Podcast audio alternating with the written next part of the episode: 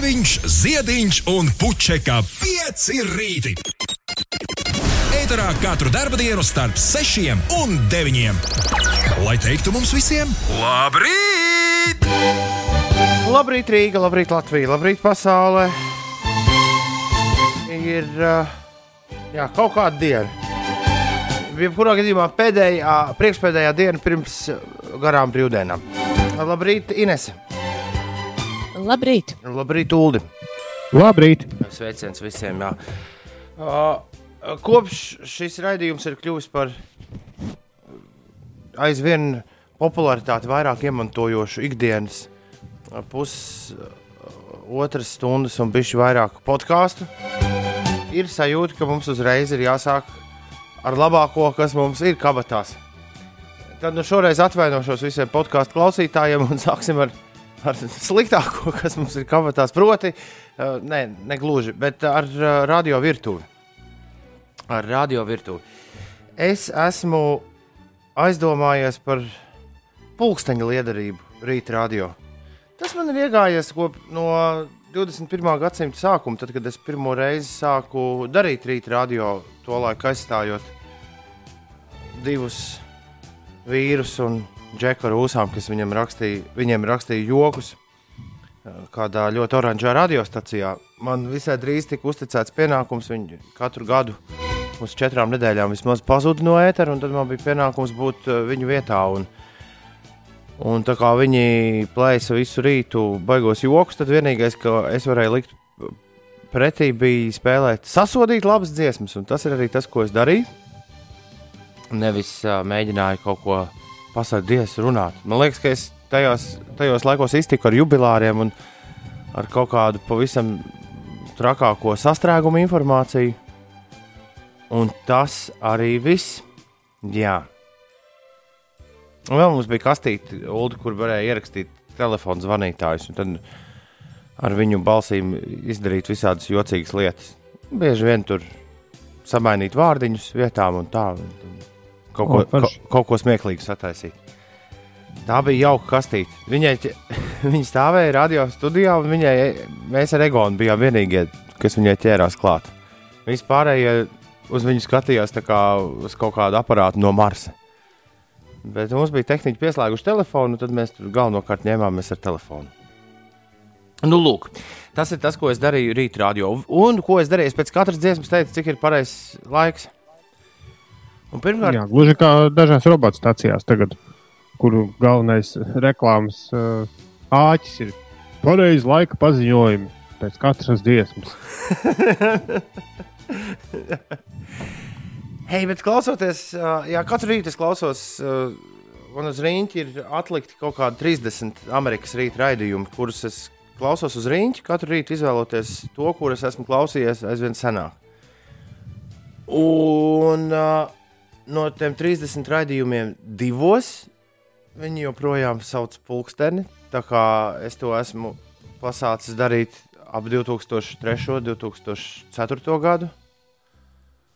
Un, uh, jā, es aizdomājos par to, ka takš, nu, nu, sit man nost, bet pulkstenis gan visiem ir pie rokas.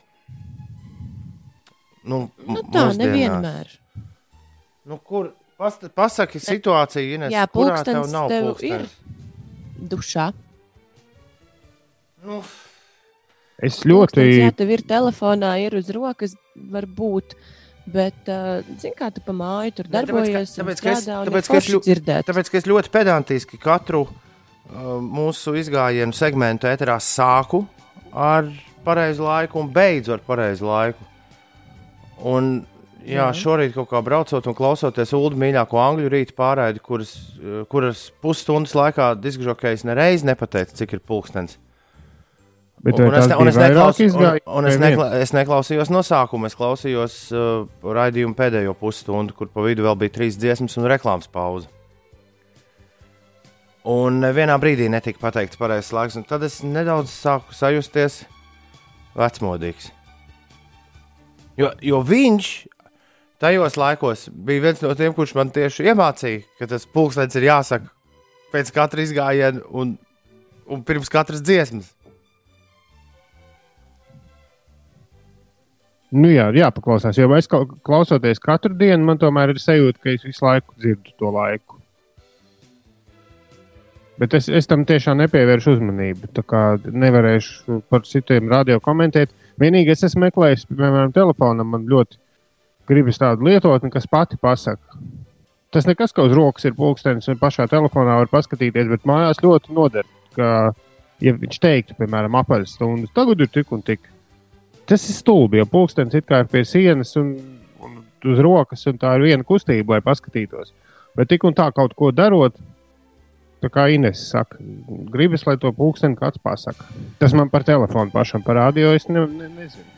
Oriģināli mēs esam ēterā starp 6 un 9 katru darbdienas rītu. Arī šobrīd pulkstenis rāda, tad, kad šis notiek reālajā laikā. Kad šis podkāsts tiek ierakstīts, ir pulkstenis 6 minūtes pāri 6. Oh. Bet atcerieties, ka podkāstu klausās nu, simti cilvēku pagaidām. Es smēju. Nu, varbūt. Ši, vai, vai jūs neuztverat manu ironiju, kolēģi? Kungs? Nē, žēl. Uh, vienmēr sakot, es, pas, es vienkārši tiem dažiem simtiem paskaidroju, ka šobrīd ir septiņas minūtes pārpusdienas sešiem, un mums uh, ļoti daudz cilvēku raksta izziņas šeit. Tie, kas klausās reālajā laikā, tie, kas. Nu, šorīt kā nē, bet. Kā šeit kā nē? Veseli četri ļaudis ir jau augšā. Bez nekāda pieprasījuma viņi ir atsūtījuši, atsūtījuši kaut kādas muļķības. Girtam, piemēram, vajag, lai Ines uzreiz saka, Liena ir. Rekur arī pamodusies. Liena ir pirmā, kuras, starp citu, izsaka viedokli par viņu par pulksteņa lietu. Viņa saka, ka viņai no rīta šiverējoties ļoti noder, ka laiku pa laikam kāds pasaka, cik ir pulkstenis. Nē, to nevajag izskaust. Nu, labi, Liene, lai tā būtu. Es gribu, biju sagatavojies teikt, ka nevienam, nu, ka visiem pie kājas vai ir pulkstenis vai nav pulkstenis, bet ne, Liene, re, kur tomēr atrakstīja. Bet Ulģis, Jānis Girts un metinātais Gunārs gan vienkārši saka un vēl visiem labu rītu. Un metrātais Gunārs ir bijis vērīgs. Es ticu, ka daži šajā laikā, sēžot mājās, jau vērību par to, kas notiek ārā, ir sen pazaudējuši. Bet ārā ir ļoti draņķīgs laiks, ar ko es arī visus apsveicu. Un par spīti tam, ka nopietni nokrišņi nebija solīti, bija jā, vakar pat pamatīgas lietu šaltis, jā, vakar pusē.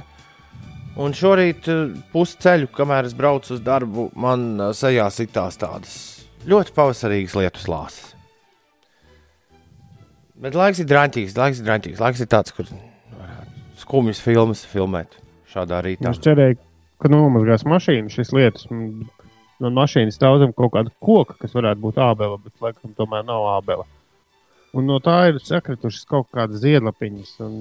Ir nevis nomazgāta mašīna, bet tie ir netīrāka. Ir it kā tīrāka mašīna, bet viss ar kaut kādiem ziediņiem. Bet uh, sestdienas vakarā būs. Liekas, ir auto turēt zem liepām. Jā, nē, tas par laimi te nav. Rekur uh, sestdien būs uh, normāls lietus. Beidzot, normālais lietus vakarā Rīgā. Vai pēcpusdienā? Nu, kaut, kā, kaut kāda būs Jā, jā, beidziet tirdīt. Bet, eh, jā, tā kā pagaidi līdz sestdienai, tad tev auto būs tīrs. Tās uh, auto mazgātuves ir dikti dārgas. Es skatos, tad viena jauna biju ar uh, dēlu viņa dienu uz um, Ziemeļblāzmas parku aizbraucis. Jaunāko. Skatījos, jaunu auto mazgātuvu pa ceļam ir uzbliest. Es vienu reizi esmu mēģinājis, tāpēc katru tādu, kuru ar karti var maksāt. Nu, lai nav tur jāmet monētiņas, jo tas kaitinoši. Un man kaut kādā piecītī izdevās iekļauties. Jo tur ir laika, ja tu, ja tu proti rīktīgi ātri. Cik bieži tev jāpucē autiņš? Nu, kā gribi. Ņemot vērā, ka tu esi gan pedantisks džeks, cik bieži tu mazgā mašīnu? Ja godīgi, tad divreiz gadā. Nu, tad, tad Inês varētu reizes gadā, visticamāk. Nu, gan jau, ka braucot pa lauku ceļiem, bieži vien. Kāpēc? Tāpēc, ka tu neesi uldis. Man varbūt patīk lietu kārtība un tīrība. Bet tad atstāja lietu, ja tev patīk lietu kārtība. Tā... Man vēl pagaidām nav ko atstāt Lietuvā. Kā tev sokas ar automašīnas iegādi? Uh, brīvdienas pavadīju. Brīvdienas, jā. Pēdējās dienas esmu pavadījusi surfojot uh, sludinājumu portālos. Vakardien mans konsultants man atsūtīja pilnīgi citas uh, markas automašīnu, kādu es iepriekš, kādas es iepriekš skatījos. Un, Man laikam iepatikās tā. Šodien plānoju zvanīt īpašniekam. Un, ziniet, kas bija mm, viena no galvenajām lietām, kāpēc man tā mašīna iepatikās? Nu? Es nezinu, vai, nezinu, vai Uldis, skatoties autosludinājumus, ir pētījis uh, to, kas ir ieslēgts radioaparātos cilvēkiem, kad viņi fotografē savas mašīnas. Bet tā bija mašīna, kurai bija ieslēgts 5LV, uh, un tas tik ļoti sasildīja sirsniņu. Sveiki šeit, Inese no 5LV. Sakiet, lūdzu, vai jūsu mašīna vēl joprojām ir apskatāma? Vēl tu vari tu var neko neteikt, un tad iespējams, ka mašīnas īpašnieks teiks, mēs jums kaut kur ļoti dzirdētu balss. Vai mēs esam pazīstami? Nu, kā to ņem? Tu saki, tas jāprasa Ulim. Ak, Dievs! Es ieslēdzu datoru un ir O, skan kaut kāds. Jā, man ir palicis iekšā YouTube fails no vakar, vakar. Everta. Noob versus Pro versus Hacker in Brawl Stars. World record, funny moments, glitches and fails, number 82. Šo ir apskatījuši 442,807 ļaudis. Es saprotu, ka Brawl Stars tas ir tas, kas, tas ko mājās esošie sešgadnieki līdz desmitgadnieki tagad dragā visu laiku, non-stopā. Vai arī skatās YouTube, kā citi dragā. Kā, še, tāpat kā ieprie, visas iepriekšējās spēles, kuras esmu šajā vecuma grupā novērojis, nu tā kā vispār nevar saprast, kas tur ir jādara. Es tagad skatos. Tas jau arī nav domāts pieaugušajiem, lai saprastu, varbūt. Aha.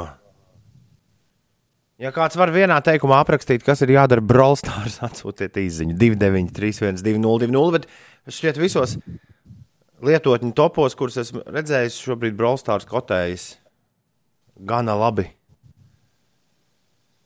Vienmēr sakot, uh, no komentāru. Vienmēr sakot par pulksteni, es pagaidām paļaušos uz lienu, kurai pulkstenis joprojām ir vajadzīgs, un to līdz galam neskaudīšu ārā no rīta radio. Es arī esmu Lienas uh, pulciņā. Ne, tev tas skaidrs, ka noder, ka es pasaku, cik ir pulkstenis, tad tu neaizmirsti apmēram, kuros brīžos tev būs jāstāsta, kas notiek.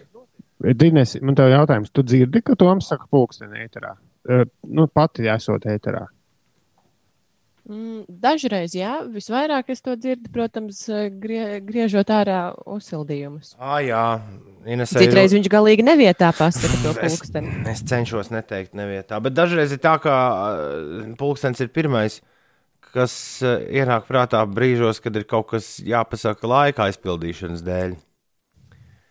Par toreiz Pauls Timrots. Mēs, viņam, mēs viņu bijām pieaicinājuši vienā mūsu DJ, jauno DJ konkursā Par šiem gadiem tādi ir bijuši vairāki kopš 5LV ir ēterā. Pauls Tīmrots bija žūrijā, un viņš teica, ka, eh, ka tas ir vissliktākais, ko radio dīdžers var izdarīt, pateikt, cik ir pulkstenis.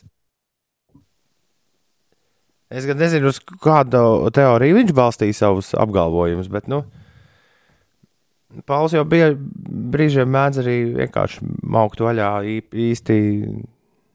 Nu, tā nedomājot par zinātnisko pamatojumu tam. Tagad tev bija jāsaka, ir 6, 15. Jā, klusums, jo jūsu puses ir baisa.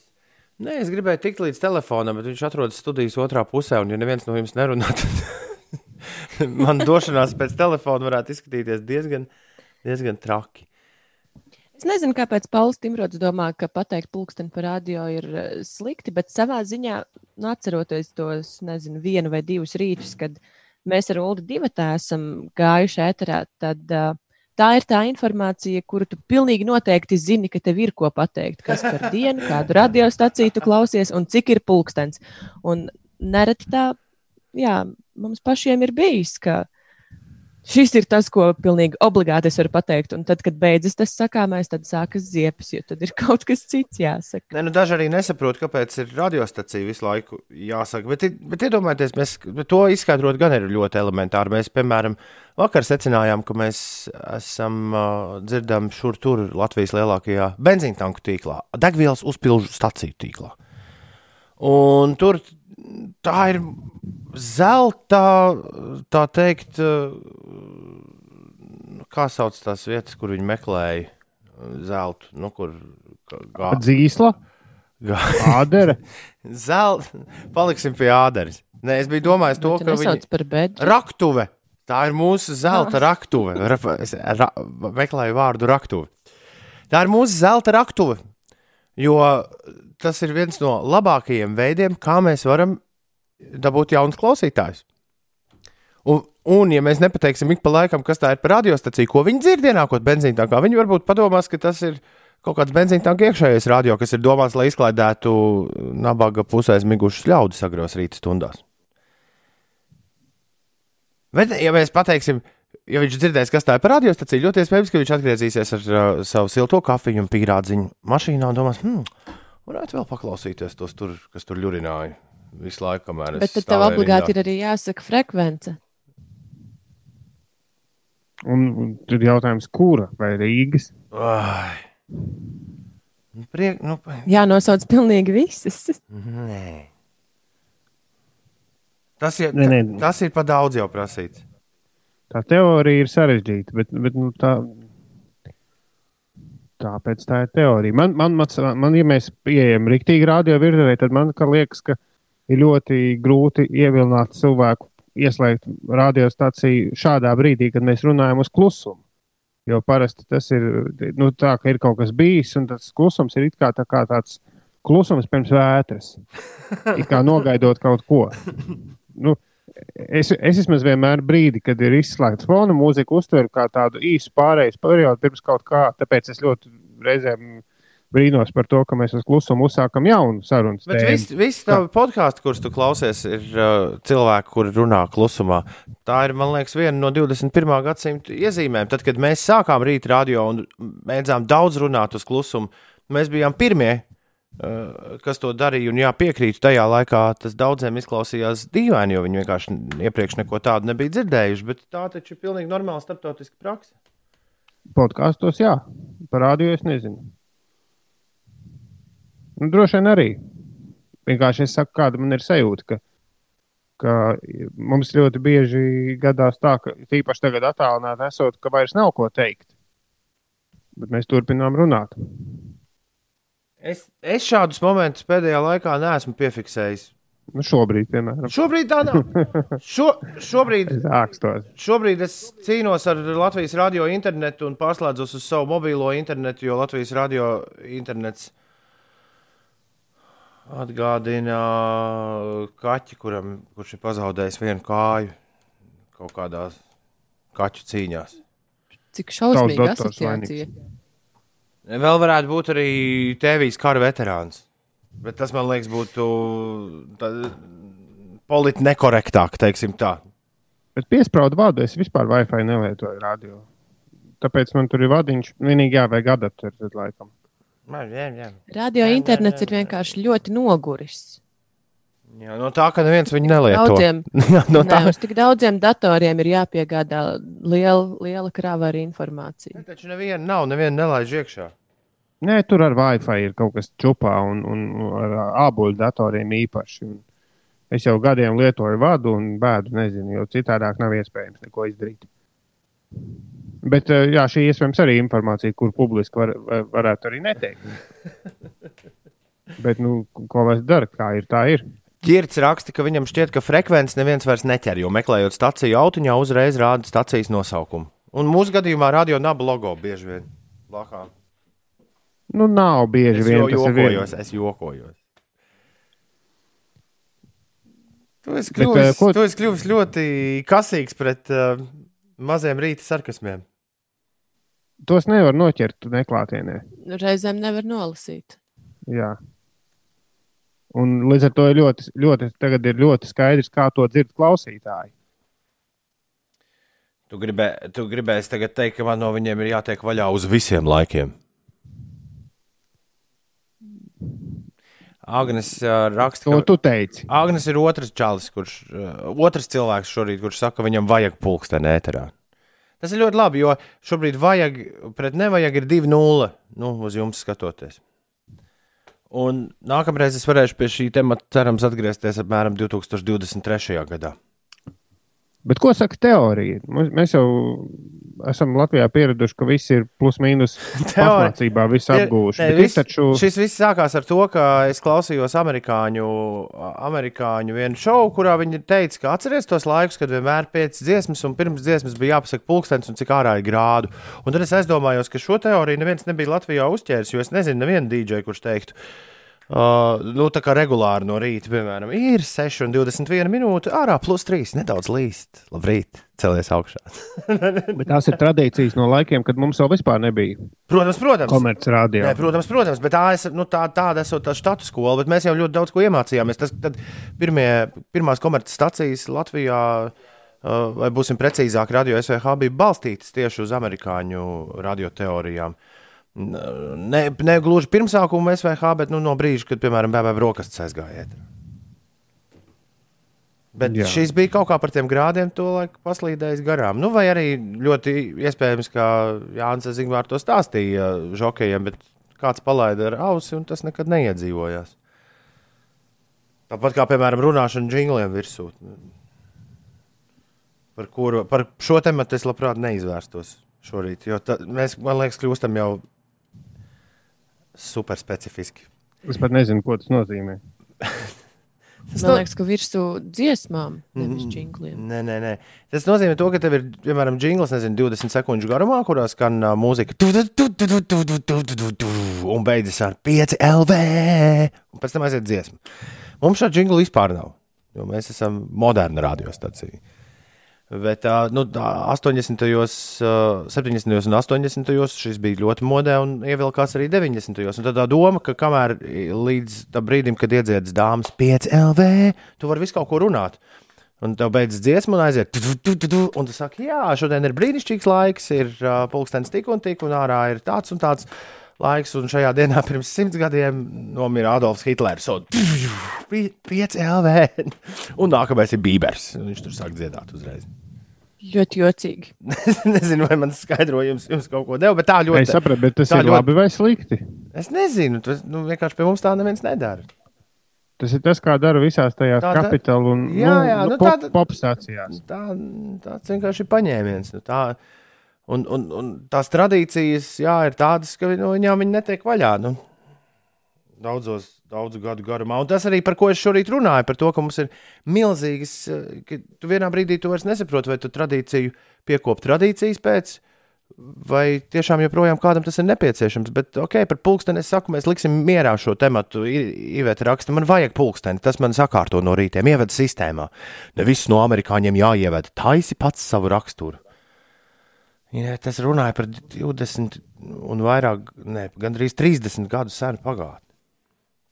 Es arī saku, ka vajag pulksteni ēterā raksta Bauskas lācis. Tie ir tā kā mazi atgādinājumi, cik daudz tu kavē darbu. nu, kaut kā apmēram tā man arī likās. Bet bija jums jāpajautā, lai vairāk, kā jau teicu, nebūtu pie šī jāatgriežas. Astronauts un Suddenlights.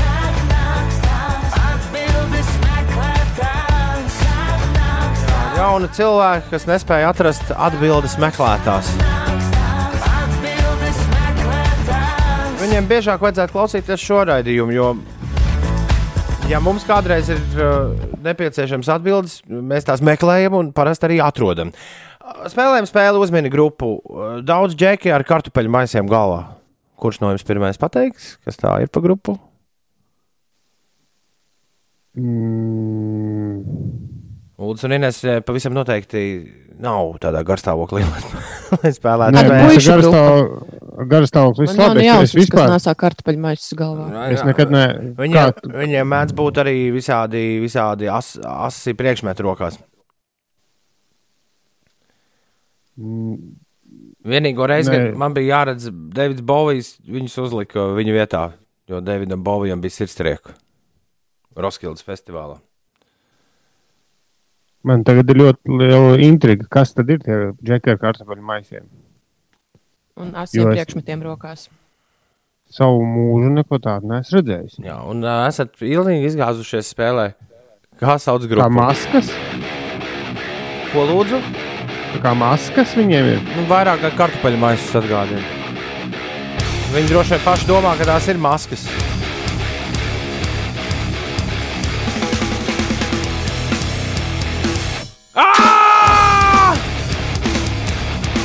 6 un 29. Rekordžeki, kur ir kartupeļu noliktava aplaupījuši. Slipknot un Before I Forget. Labrīt!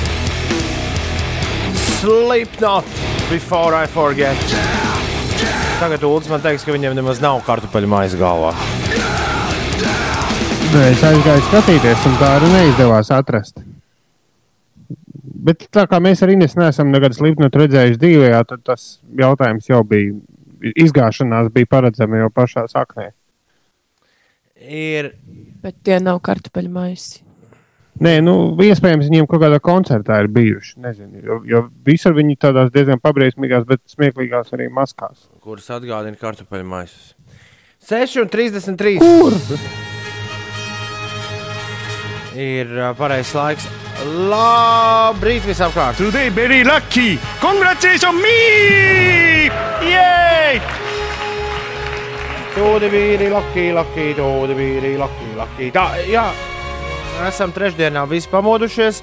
Ārā laiciņš ir, nu, nu tā, bet zili padebeši sāk rādīties. Bija baigi pelēks, bet sāk rādīties te padebeši. Un vidas geoloģijas un meteoroloģijas centrs arī ziņo, ka šodien būs mainīgs mākoņu daudzums un vietām gaidām īslaicīgi nokrišņi lietus. Austrumos varētu šorīt arī kaut kur būt slapjš sniegs, nebrīnieties. Pūtīs lēns līdz mērens ziemeļu puses vējš un gaisa temperatūra plus 7, plus 12 grādu. Tā kā būs mm, nedaudz, uh, būs nedaudz, nedaudz vēsāks, lai neteiktu, ka daudz vēsāks nekā vakar. Bet uh, rīt jau būs atkal siltāks. Rīt atkal līdz kādiem plus 13 Latvijas galvaspilsētā aizkāps. Un rīt ļoti saulaina diena ir gaidām, ar ko es arī jūs visus, eh, draugi mīļie, no visas sirds apsveicu. Tā, un, uh, un, un, un, un brīvdienās būs struntīgs laiks lielākoties. Jā. Kas laikam labi, jo tad cilvēks sēž mājās, ja ir struntīgs laiks. Un joprojām neviens nav atcēlis es katru dienu aizvien vairāk cilvēku redzu bariņos, kas ir vairāk par diviem uz ielām. Vēl neviens nav atcēlis to, ka ir uh, visi tie noteikumi, kur ir. Un es domāju, neviens no mums negrib piedzīvot situāciju, ka pēkšņi noteikumi kļūs vairāk tikai tāpēc, ka daži dunduki būs izdomājuši, ka es varu uz normālu grilu paldu uztaisīt. Uztaisīt slepeno disēnu. Cik forši!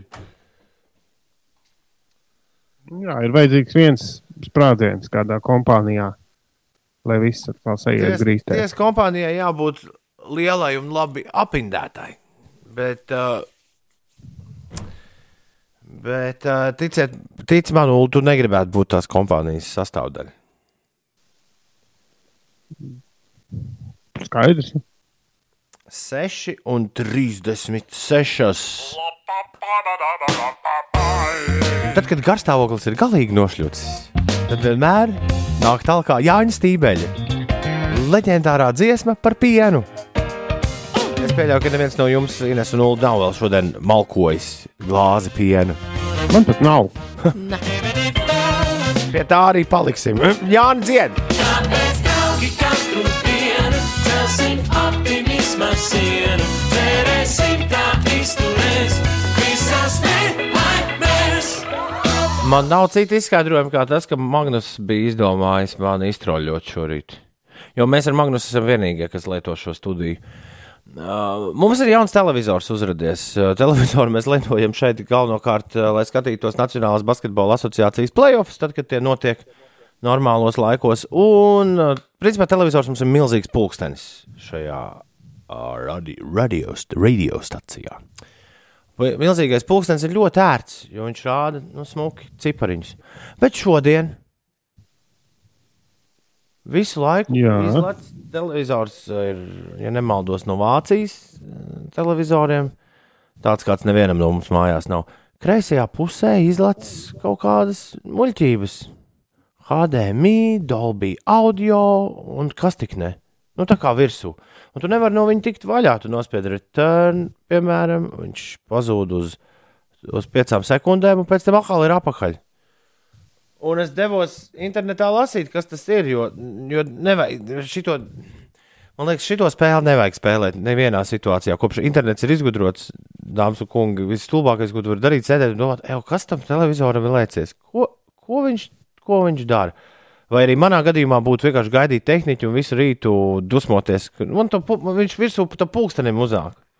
Es jau kā redzu, ka ir 6,41, bet nu, kaut kā pats labi zinu. Stulbi Jā, sajūta. pults tev ir pults pie tevis.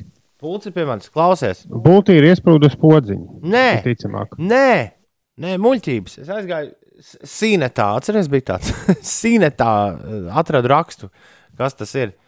Magnus ir pārslēdzis rakars tāds televizoru, jo es neticu, ka viņš pats to būtu izdarījis. Viņš ir pārslēdzis televizoru eh, veikala modē.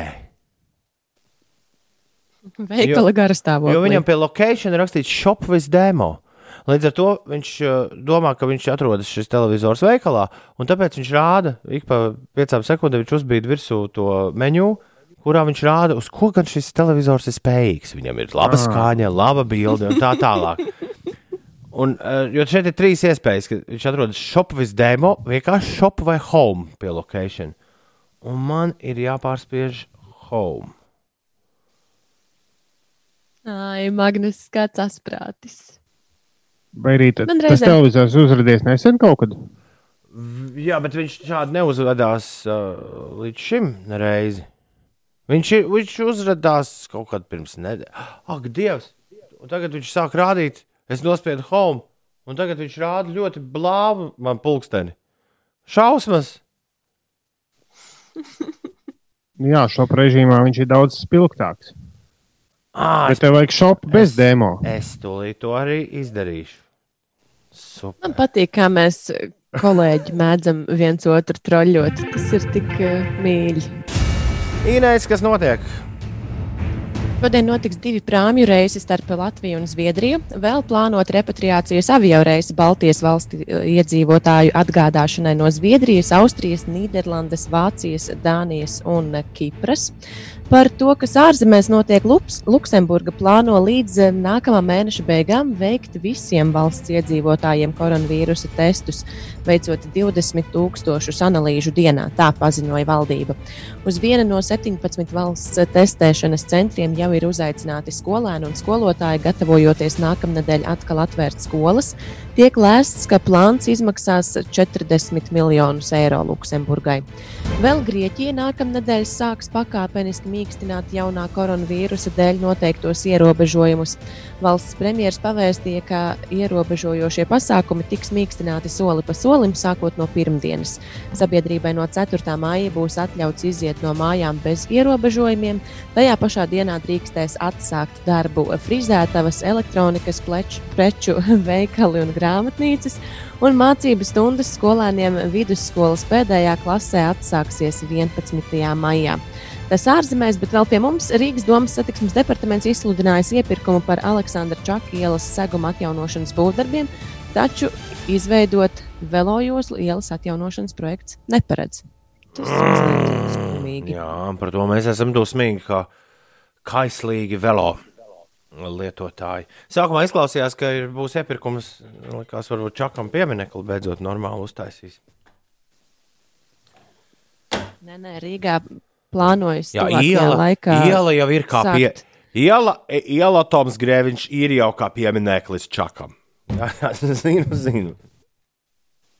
Jā, bet uh, Un arī jā. pavisam drīz sāksies vairāku ielu remontdarbi Rīgā. Jūs zināt to, ka Marijas ielas un Čakielas numuri turpinās. Nu, nav jā, no vienas. jā. Nav nekur Čakiela Vai viena. kāds čakam bija sakars ar Mariju? Nē, man šķiet, ka tā bija Marijas iela, ko Čaks apdziedāja daudz. Un tad par tam par godu nosauc. Ah. daļu no nu, atstāja sākumu, lai, lai būtu tā Marijas iela. un tad No, Viņš jau te pats pavisam netālu, pavisam netālu ir dzīvojis. Tāpēc ir Čaka dzējoja. un Latvijas ielas krustojumā. Dzēnieki jau ir tādi paši kā mēs, runā to, ko redz, Tā jau ir. Jā. to, kas ienāk prātā. Kāpēc, kāpēc viņi izdomāja, ka tieši no avota ielas ir jāsākas Čaka ielai? To gan es nekad neesmu sapratis. Nu, kā, kā izvēlējās to Čaka ielas sākumu? Jānoskatās raidījums ielas garumā. 6,48 pareizais laiks. Mēs sen esam mm, uzspēlējuši kaut ko mūsu agrākā rīta klausītājiem. Tagad to varētu izdarīt. Jums, ja, jums, jā, ja tu mūs dzirdi un tieši raidē, un ja tev ir kaut kas, ko tu gribi paklausīties šajā rītā, atraksti īziņu, kas tas ir. 293, 1202, es ar lielāko prieku kādam, kādu no jums iepriecināšu jau visai drīz. Bet vispirms, lai skan vecās labās lidmašīnas un prāta vētra. Labrīt, trešdienā!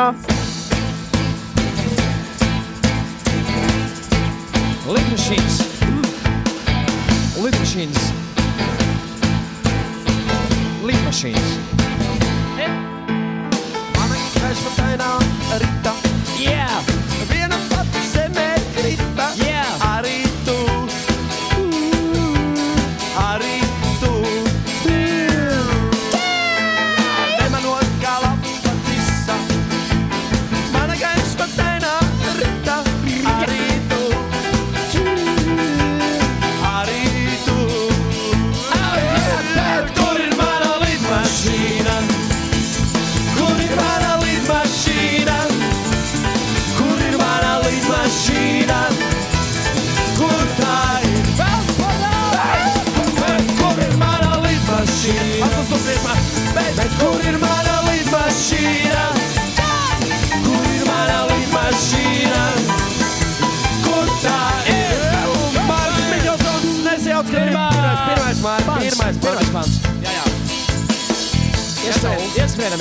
Ieskrienamies. Primā. Esam mēs skaisti piloti. Lidojam uz savu floti. Jā, lidojam uz savu floti. Ar samaļotiem. Kā parasti, kā parasti lidojam. Esam mēs skaisti piloti. Jā. Lidojam uz savu floti. Lidojam uz savu floti.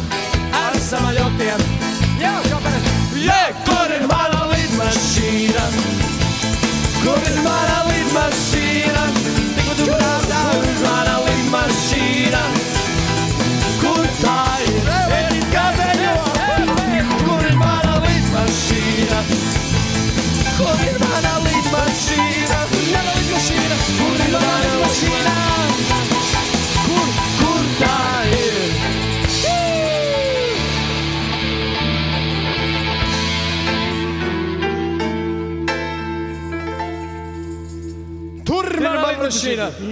Jēj, 6,51 minūte. Inês paprasti ģirtam atsauksmes par mašīnām. Tas ir spēks. Zini, kas kam lūst un kad lūzīs. Ģirds tas no čata. Rakstīja palīdz. Jums tur ir kaut kāda sava sekta, Ines? Uh, īsti nezinu. Mm, Tu acīm redzot, neesi iekšā tajā čatā. uh, nē. Okay. Nu, jebkurā gadījumā tev ir jātiek iekšā tajā čatā un jāprasa ģirtam atsauksmi par mašīnām. Jo viņš zina, kam lūst un kad lūzīs. Nu, Varbūt viņš domā to ģirtu, kas eh, mums raksta no rītiem. Varbūt. Mums ir tāds ģirts. Ei, nu, kas tik mums nav? Kas tik mums nav? ģirts, jā. Jā, kas tik mums nav? Cēlies, vēlies, un šādi baigi nelido uz darbu. Tavs kolēģis raksta, uh, Linārds, ka viņš ir aizgulējies, ir vēl ceļā uz Rīgu, nevar tevi sazvanīt. Paldies! Šī, šī bija Prieks palīdzēt. Šī bija svarīga. Tas tik jauki. Šagiem. Šagijs un Linārds. uh, Tie bija labi draugi. Es ceru, ka tas ir Linārds. Viņš ir parakstījies arī kā turtais dupsis. Mums te un, Bet to viņš ir rakstījis tad, kad Kārmen ir ēterā. À, un kolēģis no aizmugurējās sēdvietas. Tas viss izskaidro. Līnārds un čāgīs, tie tik bija zēni, nebija tie lēni. Kādreiz oktobrēni. O, klau, klau, klau, klau, klau, kaut kādi krāpēji ja, ir uzradušies. Es, Nu, es, pie- es nebiju ar šito saskāries. Kā? Ļoti paveicies. Nu, kā, Uh, pilns internets ar visādām krāpšanām. klāja vaļā, ko tu esi novērojis. Nē, nu, interesantākais, tas, tas ar ko, kas man likās kaut kas pilnīgi jauns, uh, ir kā pirms kaut kādām pāris nedēļām sāka WhatsApp kontus izkrāpt. Tev atraksta kāds, uh, nu, kāds tev it kā pazīstams cilvēks. Saka, ka, Evo, paklau, es nejauši es tavu numuru pārsūtīju īziņu, kurā bija sešciparu kods. Atsūti man to kodu, lūdzu. Ouch! Patiesībā šis, šī persona ir mēģinājusi tikt tavā WhatsApp kontā. Un WhatsApp saka, lai pievienotu jaunu ierīci, jums jāievada kod, uh, kods, ko mēs jums atsūtīsim īsiņā uz jūsu norādīto numuru. Auč! Tad tu saņem to kodu, un tad kāds krāpnieks no it kā tev kāda paziņas atraksta, ej, paklau, es tur nejauši tev kodiņu kaut kādā aizsūtīju kļūdas dēļ, atsūti man to kodu. Un tad viss tavs Twitter, tavs WhatsApp konts ir jau krāpniekam. Tas taču Bet arī ir cits. lai, kāpēc, lai kādam būtu vajadzīgs tieši WhatsApp konts? Nu, to uzdod tiem, kas to dara. Tūlīt pienāks pilna ziņu mašīna ar to, kāpēc tas ir vajadzīgs. Noteikti kaut, kāda, kaut kāds labums no tā ir. Bet vai tad WhatsApp konts nav sasaistīts līdz mielēm ar tavu tālruni? Nu, ir. Ar tavu Bet, ja tu vēlēsies, ja tu vēlēsies, uh, tad tu viņu var pievienot dabūt, jau- a- tad tu viņu var dabūt apakaļ visai ātri. Jo galvenais taču ir tavs uh, nu, tālruņa numurs, pēc kā WhatsApp vadās. Pēc konta pārņemšanas iestādījumos uz, uzstāda PIN kodu, kas liedz oriģinālajiem īpašniekam atgūt kontu. Un pēc tam, pēc tam Toms Grēviņš rakstīja, ka, Vīnes, es tev aizsūtīju kodiņu nejauši īsiņā, atsūti man to kodu. Protams, ka Inês atsūtīs man kodiņu, vai ne? Ines? Nu, Tagad diez vai. Jā, šādi nevajag darīt. Un uh, izzi, izziņa, te bija Ulas ielicis no vidas, pienāk. šis pavisam svaigs bija, jā, ka Jā, bet, uh, Klau, bet uh, tur ir, šis ir jaunums, padod ziņu citiem, tā tu palīdzi. Citiem un arī mums, nu tur apakšā ra- rakstīts. Pavis, Jā, bet viņi, viņi, viņi, ir, viņi ir slinki palikuši. Valsts ieņēmuma dienas brīdina, ka viņi neizsūta nekādas īsiņas, kurās ir teikts, ka katram iedzīvotājam piešķir 25 eiro katru mēnesi. Lai saņemtu tālāku informāciju, tev jāsūta maksas īsiņa. Nu, tur, tur tas, protams, nav teiks, ka tā ir maksas. Sūta SMS uz numuru tādu un norāda, ko tur ko, un padod ziņu citiem.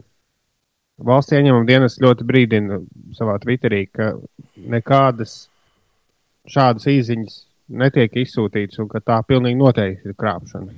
Manam, Es pilnīgi iedomājos valsts iestādi, kur apakšā uzraksta, padod ziņu arī draugiem. Man, pateicoties faktam, ka 4. mājas tuvojas milzu soļiem, nākas kaut kā, kaut kā atcerēties savu tēvu šonadēļ vairāk nekā, nekā iepriekš. Un viņš, viņš par šādiem džekiem, kuri sūta šādas izziņas vai, vai arī zog WhatsApp kontus, viņš būtu teicis īsi un konkrēti, tādus vajag sist un mērcēt. Pareizi ir. Un, mm. un um, e-pastā arī nākot visādas tur ziņas, ka tev ir safilmēts nepiedienīgās situācijās pie datora. Bet policija uzreiz nevar uh, savā, nu, pēc iesnieguma policijā, ja tu esi apkrāpts, tad uzreiz var, ja tev ir, pasties, viņi tur ir noabonējuši tie blēži 1827, nu, kaut kādu nopietnu, nu, noteikti izziņu servisu. Pēc tā tak viņus var uziet. Vispirms sist un mērcēt, un pēc tam ielikt kaut kur pasēdēt. Kura paskatīties, kas ir 1,827? Un neprasīnēs, kur mērcēt. Jo tu to negribi šorīt zināt. Ai, citreiz es tā aizdomājos par to, nu, kāpēc cilvēki nevar pelnīt naudu godīgi un normāli. Un kāpēc vispār kādam ienāk prātā kaut ko zakt? Bieži vien pie šīs domas es eh, pieķeru, atstājot velosipēdu pie veikala. Man citreiz tik ļoti kaitina pieslēgt uh, riteni pie tām trubām. It kā liekas, nu es taču veikalā uz divām minūtītēm ieskriešu pēc, nezinu, piena vai maizes, bet nē, ritenis tev obligāti ir jāpieslēdz, jo atrodas garnaģi, kas to riteni grib aizvilkt prom. Vai tu runā par Bauskas veikalu, kurā ir pārdevējs, kurš smaržo pēc falafela? Nē. Nē, es runāju vispār par cilvēku attieksmi. Bet es šajā to, laikā- var nospērt no riteņa lampiņas un Jā, la- sēdekli vai kaut ko tam es- līdzīgu. Es vakar nosacīju, ka man arī, un ja ne, kaut nu tā tas nebūtu, bet man šķiet, ka pie Latvijas televīzijas man ir nospēruši uh, aizmugurējo lampiņu. Bet labi, lampiņa ir lampiņa. Ir lampiņa. Nu, es ļoti ceru, ka tam cilvēkam rīktīgi vajadzēja lampiņu. Oh, man baigi, man Beidzot, nav. būs gaisma dzīvē. Jā, jā, jā, jā kaut kā tāda. Nu, Man, man nav grūti nopirkt lampiņu, bet, bet eh, ko es gribēju teikt ātri, ka šajā laikā es eh, bieži atstāju riteni nepieslēgtu, jo man ātri jāieskrien ir veikalā. Tas, tas, ka ir mazāk cilvēku uz ielām, ir īpaši agrējās stundās, nu, pēc, tad, kad radio ir beidzies ap 9, 10. Ir arī sajūta, ka ir, ir pavisam citu noteikumu nekā bija agrāk. Nu, Bet tas jau ir pat sliktāk, ka ir mazāk cilvēku. Nē, tas ir labāk, jo kamerās viss labāk var redzēt. À, no tāda viedokļa. Man čomam vienam nozaga vakar rītdienā Vakar, ai, ar ļoti, ar ļoti labu atslēgu, bet uh, izrādījās, ka tā trepi marga, pie kuras ir pieslēgta labā atslēga. ah, bet, trepē, to- bet atkal vecais tās trepēs, nevis, nevis no ielas. Nu, laikam, jā, Jā, jā, jā. kāpņu telpā. Bet uh, jūs par uh, Ines par zagļiem sāk runāt, bet es vairāk par krāpniekiem. Es nesen noskatījos tom to seriālu, ko, filmu, ko tu ieteici, kas bija bas, balāde par Basteru. kā O, tā ir labi, tā ir forša. Jā, man uzreiz ļoti atgādināja bērnībā. Es šausmīgi daudz lasīju. Bija tāds rakstnieks, O. o Henrijs, vai kā viņu latviešu sauc, O. Henrijs. Uz grāmatas bija rakstīts O. Henrijs bez īsi. Bet viņam ir ļoti forši stāstīņi par tādiem vīriem, kas tirgo čūsku, e, čūsku eļu un visādas tur, nu, nu, kas, nu tādi krāpnieki ir Mhm. galvenajās lomās. Nu, jā, tur viņi vienmēr stāsta, ka, nu, ka ir cilvēki, kuriem ir nu, tie cilvēki, kur notic tam, ka ieņēmuma dienas dod 25 eiro katru mēnesi, bet ir tikai jāizsūta maksas īziņa. Viņi arī ir pelnījuši. Ja? Viņi, jā, nu, vismaz to grāmatu tie varoņi tā arī apgalvoja, ka, nu, ka tie cilvēki arī ir pelnījuši no šīs naudas šķirties, un ka tas ir ļoti godīgi. Nu, par- ka par savu stulbumu ir jāsamaksā. Jā, bet man liekas, ka mums būs top 10 par krāpšanām. Oh, jā, bet līdz, brīža. bet līdz tam mēs nonāksim. Bet uh, Ines tētis, viņa dienā Inesai teica, ka Ines viņam piedāvāja falafelu. Ka falafels smaržojot pēc pārdevēja Bauskas veikalā. Kāpēc tu tieši tagad to? Tāpēc, ka es, tāpēc, ka es nu pat par to nu, ieminējos nu, no otras puses. Ne jau gluži pēc falafela, bet pēc kīnzas. Tā garšviela ir tiešām ļoti specifiska un stipra smarža. Ir 16 minūtes pāri septiņiem. Labrīt! Cēlies augšā, un lai forša diena! Mieru, tikai mieru. Ir trešdiena, 29. aprīlis. Mūsu Rīga Latvijā! Jā, šodien Lainai, Raimondam un Vilnim ir vārdu svētki. Čau, Laina, čau, Raimond un čau, Vilni. Latviešu basketbolistei Sabīnai Niedolai daudz laimes, latviešu juristei un politiķei Ilmai Čepānai daudz laimes dzimšanas dienā, angļu un īru aktieris Daniels Dejs Luis svin dzimšanas dienu, ASV aktrisei Mišelai Feiferai dzimšanas dienu.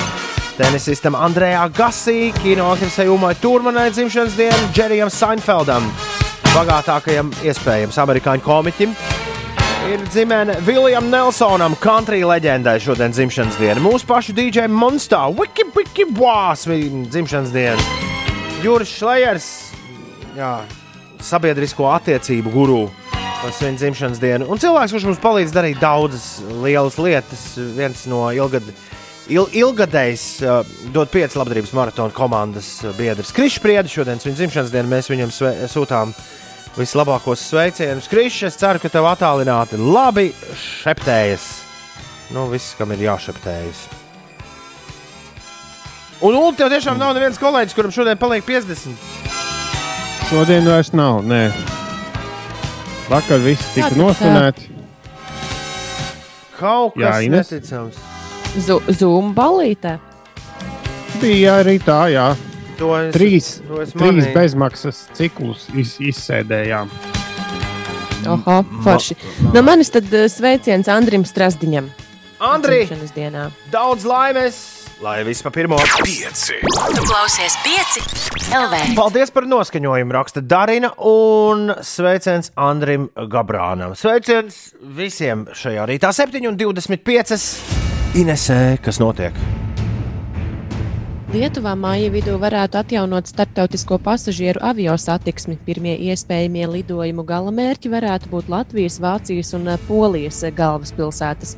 Arī eh, šodien notiks repatriācijas reisi no Zviedrijas, Austrijas, Nīderlandes, Vācijas, Dānijas un Kipras. Papildus tiem notiks arī divi prāmju reisi starp Latviju un Zviedriju. Citās valstīs Luksemburga plāno līdz nākamā mēneša beigām veikt visiem valsts iedzīvotājiem koronavīrusa testus, veicot 20 tūkstošus analīžu dienā. Tā paziņoja valdība. Tiek lēsts, ka šis plāns Luksemburgai izmaksās 40 miljonus eiro, un Grieķija nākamnedēļ sāks pakāpeniski mīkstināt jaunā koronavīrusa dēļ noteiktos ierobežojumus. Tas notiks soli pa solim, sākot no pirmdienas. Sabiedrībai no 4. māja būs atļauts iziet no mājām bez ierobežojumiem. Tajā pašā dienā drīkstēs atsākt darbu frizētavas, elektronikas pr- preču veikali un eh, grāmatnīcas, un mācību stundas skolāniem vidusskolas pēdējā klasē arī atsāksies, bet no 11. māja. Par laikapstākļiem pie mums šodien mākoņi daļēji klās eh, Latvijas debesis, saulainākā diena gaidāma galvaspilsētā un citviet piekrastē. Vietām būs īslaicīgi nokrišņi, galvenokārt gaidāms neliels lietus, gaisa temperatūra plus 7, plus 12 grādi. Uz kurien tās avio kompānijas grasās lidot? jo pagaidām man uh, ULD labo, ja kļūdos, bet ceļojums varētu izskatīties apmēram šādi. Tu aizlido uz, paņemsim, piemēram, uh, Parīzi. Tu aizlido uz Parīzi, tad tu divas nedēļas sēdi tur karantīnā. Tad tu vari trīs dienas apskatīt ātri efeļu torni un, un ko tur tik. Un tu atlido mājās. Ja kur- drīkst. Ja drīkst. Pareizi, jo efekts taču arī noteikti ciet. Bet tu pastaigāt pa monētu, tur gan jau ka vari. À, kaut gan tur bija vēl kaut kādi ierobežojumi, pareizi.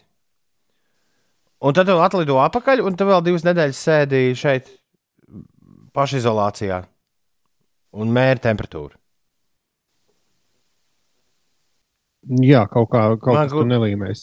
Arī mūsu nacionālā līdzsabiedrība esot stāstījusi kaut kad pirms dažām dienām ziņās, ka nu tik lidošot. Nē, nu iespējams, ka tāpēc pēc ierobežojuma atcelšanas. Iespējams, ka ir tāpat kā tiem prāmjiem, ka ir cilvēki, kam vienkārši ir darbs nu, kaut kādā ziņā saistīts ar pārvietošanos. Labrīt, Jālgavas šoseja A8 no Olēnas krustojuma līdz jaunolainai ļoti lēni kustas. Remontdarbu sezona ir sākusies, ziņo Datska. Un Valtam gadījās tā, kā eh, es novēlu nevienam, lai negadās. Valsts ieslēdz radio, tur cita radiostacija. Viņam tas, "O, kas te notiek? Dusmīgs ņēma telefonu, bet izrādās austiņas citai ierīcei pievienojušās. Jā, tas, ir trak, Jā. tas ir trakums, kā mm, tam ar to zilzobi, kuram vienojas viss kaut kas klāt. Zini, kas vēl ir traki? Es, es regulāri skatos mājās, eh, televizorā kaut kādus YouTube video, nu tur visādus leitnaitu komiķus un kaut ko. Un ērtības labad es ieslēdzu telefonā, un tad telefonā ir viena podziņa, ar kuru tu vari likt to spēlēt Nu, televizorā. jā, protams. Un sa viņš savienojas. Un šis savienojums es īsti neesmu sapratis, kā tas darbojas. Jo it kā to var pieslēgt tikai tad, kad tu esi vienā Wi-Fi tīklā, bet tad, kad tu esi savienojies, tad arī izējot no šī Wi-Fi tīkla tas notiek. Un tas žēl, ka es neesmu redzējis. tev vienkārši maziņš chromcāstiņš ir iebūvēts televizorā. Nu, tā sanāk, laikam, mm. jā. Un uh, es žēl, ka es neesmu redzējis savu kaķu reakciju. Bet es esmu pāris reizes kaut kur esot pilsētā, pēkšņi kaut kādu YouTube linku atver un nekas nespēlē. Un, secina, ka tu, un, un viņš ieslēdz televizoru arī tad, ja tas ir izslēgts. Un tad tu pēkšņi secini, ka, ka mājās esošajiem kaķiem televizors ir sācis bļaut kaut kādu Jimmy Fallonu ievadu mūziku. Vareni. Labi, ka tikai kaķiem. Vareni. Jā, bet tev, tev jums abiem diviem, paldies Dievam, ir. Nu, jā, nekad nav jāsaskars ar to situāciju, ka ir tumbi. Nu, kā, nu, te, piemēram, ir mājās viena tumbiņa, centrālā tumbiņa, uz kuras visi klausās mūziku. Un tad, kad tu beidzot gribi paklausīties to mūziku, tad tev ir jāiet pie visiem ģimenes locekļiem. Jāsaka, tu vari lūdzu izslēgt Bluetooth ārā. Jo savādāk tu uzliec savu mūziku, un pēc divām minūtēm tev viss apstājas. Jo, Jā, jo tas- viņu tas tādā ziņā. Dzi- Tādā ziņā dzīve vienam 21. gadsimtā ir ļoti jauka. Tas, bet, jā, bet vienalga es pieslēdzu telefonam, pieslēdzu savus bezvadu austiņus un eju ārā un izdomāju iznest miskasti pa ceļam.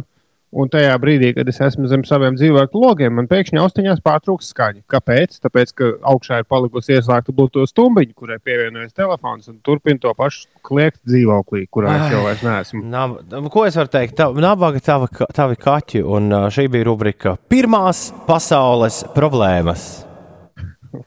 Jā, es gribēju pievienot arī, arī Spotify klausīšanos uh, vienu kontu, kad klausās divi dažādi cilvēki. Tā jau nemaz nedrīkst. Ha, ha, ha. Un, un mašīnā, Man tā, un ir, mašīnā man tā ir gadījies. gadījies nejauši. Ja? Atradu parolīti Jā, uz ielas.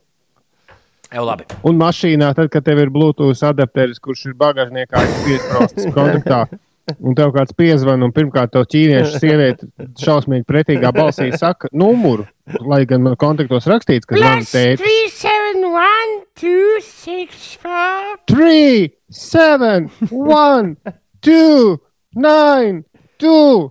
Viņi bļauj, bļauj, un es nevaru pacelt, jo, ja es pacelšu, tad iedarbosies tā Bluetooth adaptera mikrofons, kas atrodas bagāžniekā. Līdz ar to man nedzirdēs. Un, un es labprāt runātu bezvadu sistēmā, bet, bet bezvadu sistēma ir bagāžniekā. Un, ā, Jā. Bet jocīgi, kāpēc, kāpēc viņi sauc telefonu numuru? It kā tu zinātu visu savu kontaktu numurus no galvas. kas ir piezvana, zvans. piezvana uz Ķīnu un paprasa, kāpēc viņi sauc. jā, viņi arī katreiz ieslēdzoties pasaka, uh, de, kā tur bija.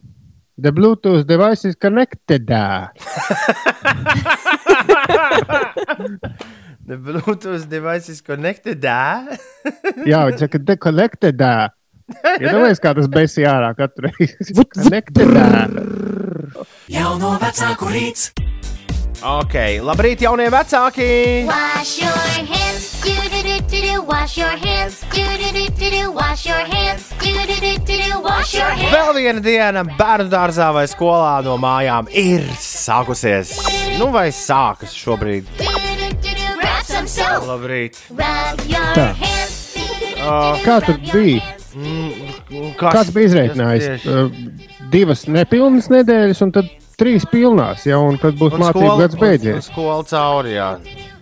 Tad viņi vienkārši, tad vienkārši jaunie cilvēki kritīs uz nerviem.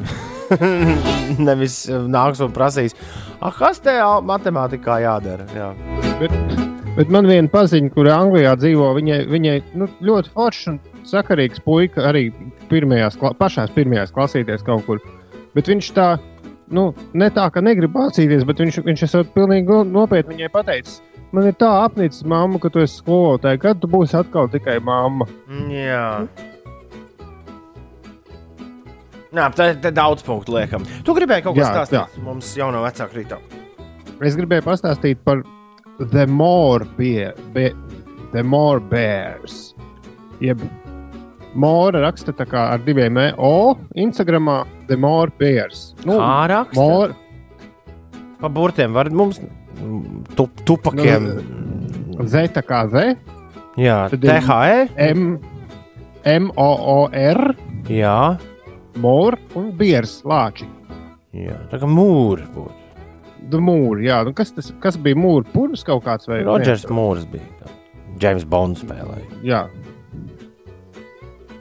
Mūrbērs. Okay, kas, Jā. kas tie tādi ir par lāčiem? Tie ir divi. Ah, nē, tie ir kaut kādi. Jā, mūri tiešām ir tīrels, bet tas ir arī pietāvot. Tie ir divi milzīgi lāči.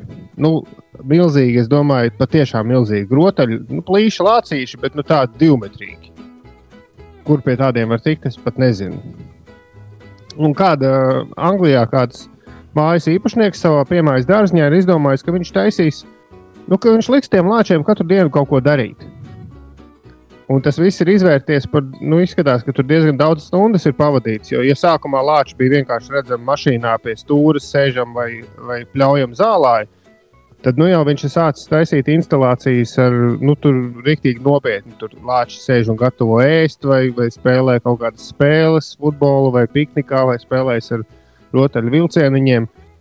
Un cilvēki, nu, ejot kaut kādā pastaigā pa ielu, ir sākuši iet, nu, noiet garām, paskatīties. Un, eh, un arī Instagram konts ir savācis jau 12,9, gandrīz 13 tūkstoši sekotāju. Un man liekas, ka tā ir ļoti forša doma. Līdzīgi kā mēs vakar stāstījām par kādu vīru, kas uztaisījis restorānu Vāverītē pie mājas dārziņā. Nu, kad tu taisi kaut kādu lietu saviem bērniem, bet tu viņu uztaisi tik foršu, eh, ka, ka to var dalīties visai pasaulē. Jā, šo liekam aiz, aiz auss atkal domājot jaunas idejas.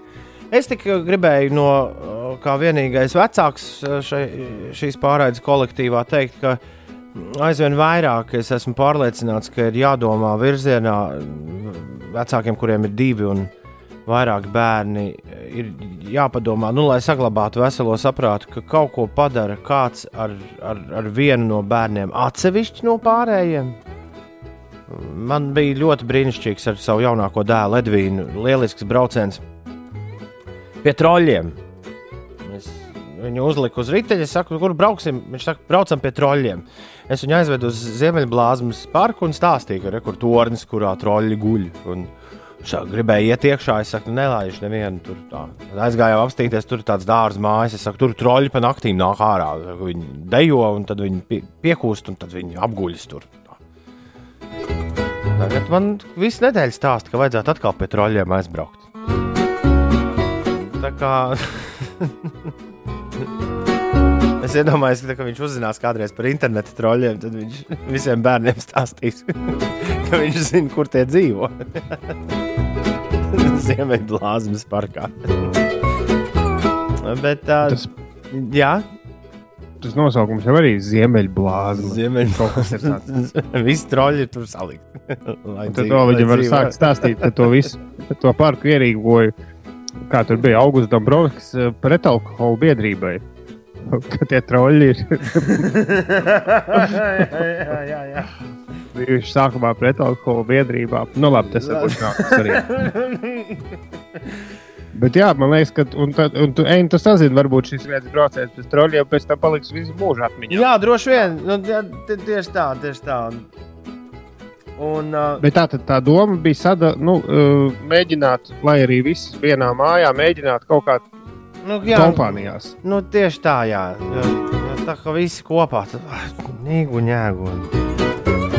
Es, es nemaz negribu stāstīt, kas vakar vakarā notika. Vai? Nu jau ir tik tālu. Viss aizgājis. Jā. Vienmēr sakot, Klausies, jā, bet, tur, turamies. Uh, Ah, un es vēl gribēju teikt, ka vēl katram pieaugušiem man tas prasīja sešas nedēļas. Nu, jāpadomā, ko, ko mēs vislabāk mākam, nu, ko mēs varam iedot uh, bērniem un kas viņiem varētu patikt. Es, mēs ar Evertu sarunājām, ka šodien viņam būs uh, iespēja padīdžējot pirmo reizi dzīvē.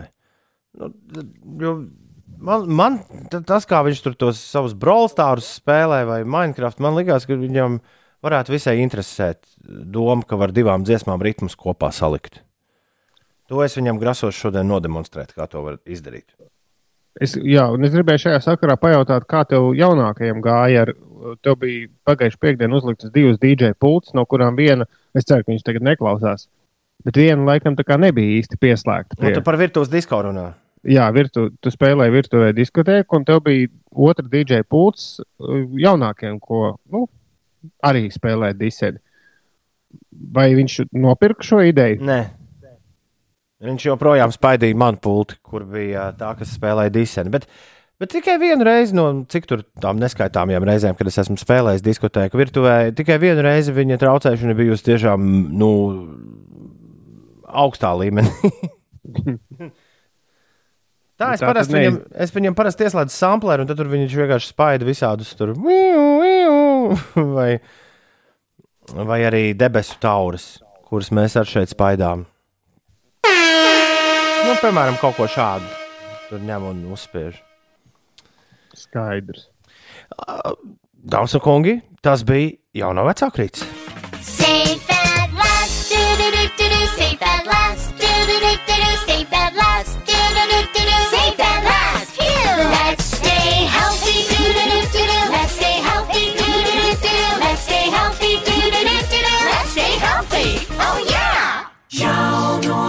Vecāku rīts. Klau ir trešdiena, un mums būs Top 10. Un top 10 šodien būs par krāpējiem un krāpšanām, vai ne? Jā, par Jā. Tiem Nigērijas prinčiem, kas tev sūta, sūta vēstules par 100 miljoniem, kurus tieši tev ir vajadzētu. Nu, nu, tur, tieši tu esi tas, ko viņi ir izraudzījušies, lai šo naudu pārsūtītu uz Eiropu.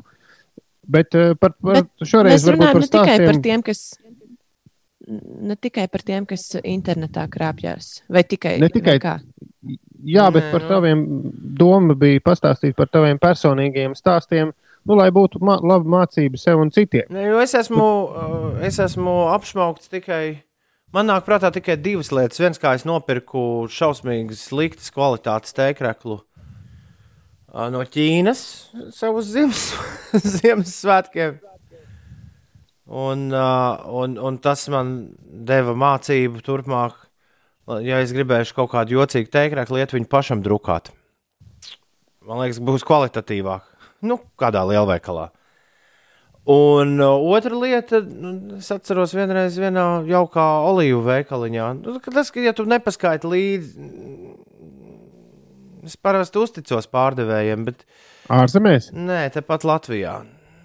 Tu izēj no veikala un saproti, ka tev ir kaut ko iesituši divreiz. Un it kā jau tā ir droši vien vienkārši, vienkārši pārdevēja kļūda, bet nu stulbi tāpat.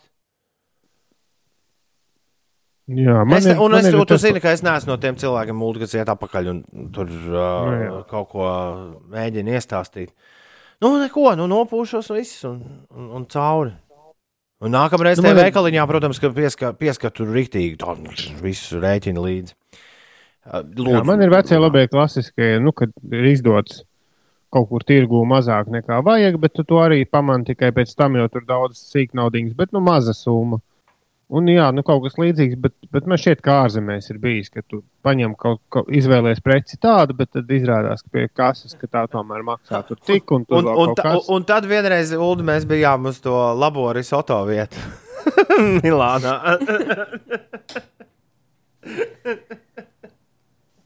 Jā, par tām mazajām naudiņām pie kases, kurš gan, kurš gan skaita, pārskaita to, ko tev izdod. Es, es bieži vien tā nedaru. Man tētim gadījās, bet tas bija pirms daudziem, daudziem gadiem. Sēžot mašīnā pie Rīgas centrāla tirgus, viņam pienāca pie mašīnas klāt, kā Uldis saka, tumši ļautiņi, un piedāvāja iegādāties veselu drēbju maisu, laikam pat 20 latiem. Un, oh. Viņš vienmēr Viņš vienmēr ir bijis tāds ļoti racionāls, un viņš nekad nepadodas visādām tādām provokācijām. Bet kas ar viņu toreiz bija noticis, mēs eh, neviens nezinām. Beigu beigās viņš to drēbju maisu nopirka, un, un tādā maisā bija nu, visādi lupatu atgriezumi. Tur bija, piemēram, džinses ar nogrieztu vienu staru vai, vai nu, nu, kaut kādas pilnīgi, pilnīgi nekam nederīgas lietas. Un mēs viņam vēl joprojām to atgādinām. Kā tad viņš tā vienreiz iekrita? Jā, nu tad, tad uh, kā jūs esat apkrāpti kādreiz? To mēs vēlamies zināt un gribam sastādīt apkrāpšanas top 10. Es ticu, ka tad, kad to pastāst citiem, tad sirdī, sirdī paliek vieglāk. Jā, un pēc laika jau tas liekas smieklīgi. Tā, jā.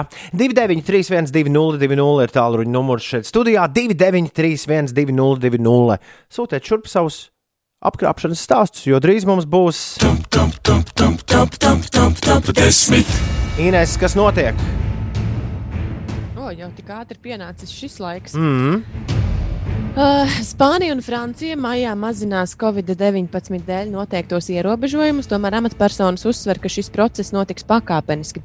Spānijas premjerministrs Pedro Sančes informēja, ka kopumā plānoti četri ierobežojumu atcelšanas posmi, katrs no tiem ilgs 14 dienas, un atsevišķos reģionos, tā skaitā turistu iecienītajās Kanāriju salās, process iespējams sāksies vēlāk, un tas var arī ieilgt.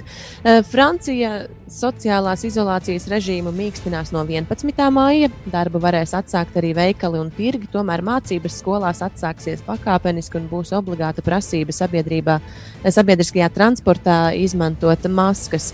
Arī Grieķija saka, ka nākamnedēļ sāks pakāpeniski mīkstināt vīrusa dēļ noteiktos ierobežojumus. Un kaimiņu zemē Lietuvā maija vidū varētu atjaunot starptautisko pasažieru avio satiksmi. Avio satiksme netiks atjaunot ar tām valstīm, kurās nav noteikti stingri ierobežojoši pasākumi vai kurās ir vīrusa masveidīgas izplatīšanās perēkļi. Pirmie reisi varētu būt uz Latviju, Vāciju, Poliju, ja šīs valstis atsāks uzņemt citu valstu pilsoņus. Par gatavību atsākt lidojumus jau ir informējušas vairākas avio kompānijas. Top 10! Top 10. Kā esat at- apkrāpti šajā rītā? Mums šāds desmitnieks. Nu, Ines, kas ir desmitajā vietā? Desmitajā vietā ir krāpārtis. Viņš raksta, ka brālēns bijis Amerikā, pienāca kāds tirgonis un piedāvāja sešus gabalus eh, telefonus par eh, ļoti labu cenu. Tajā bija, tā kā viņi bija trietā, izdomāja samesties un nopirkt.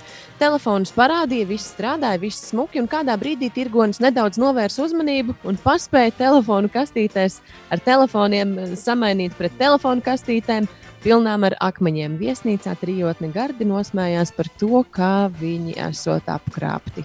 Oi, oi, oi.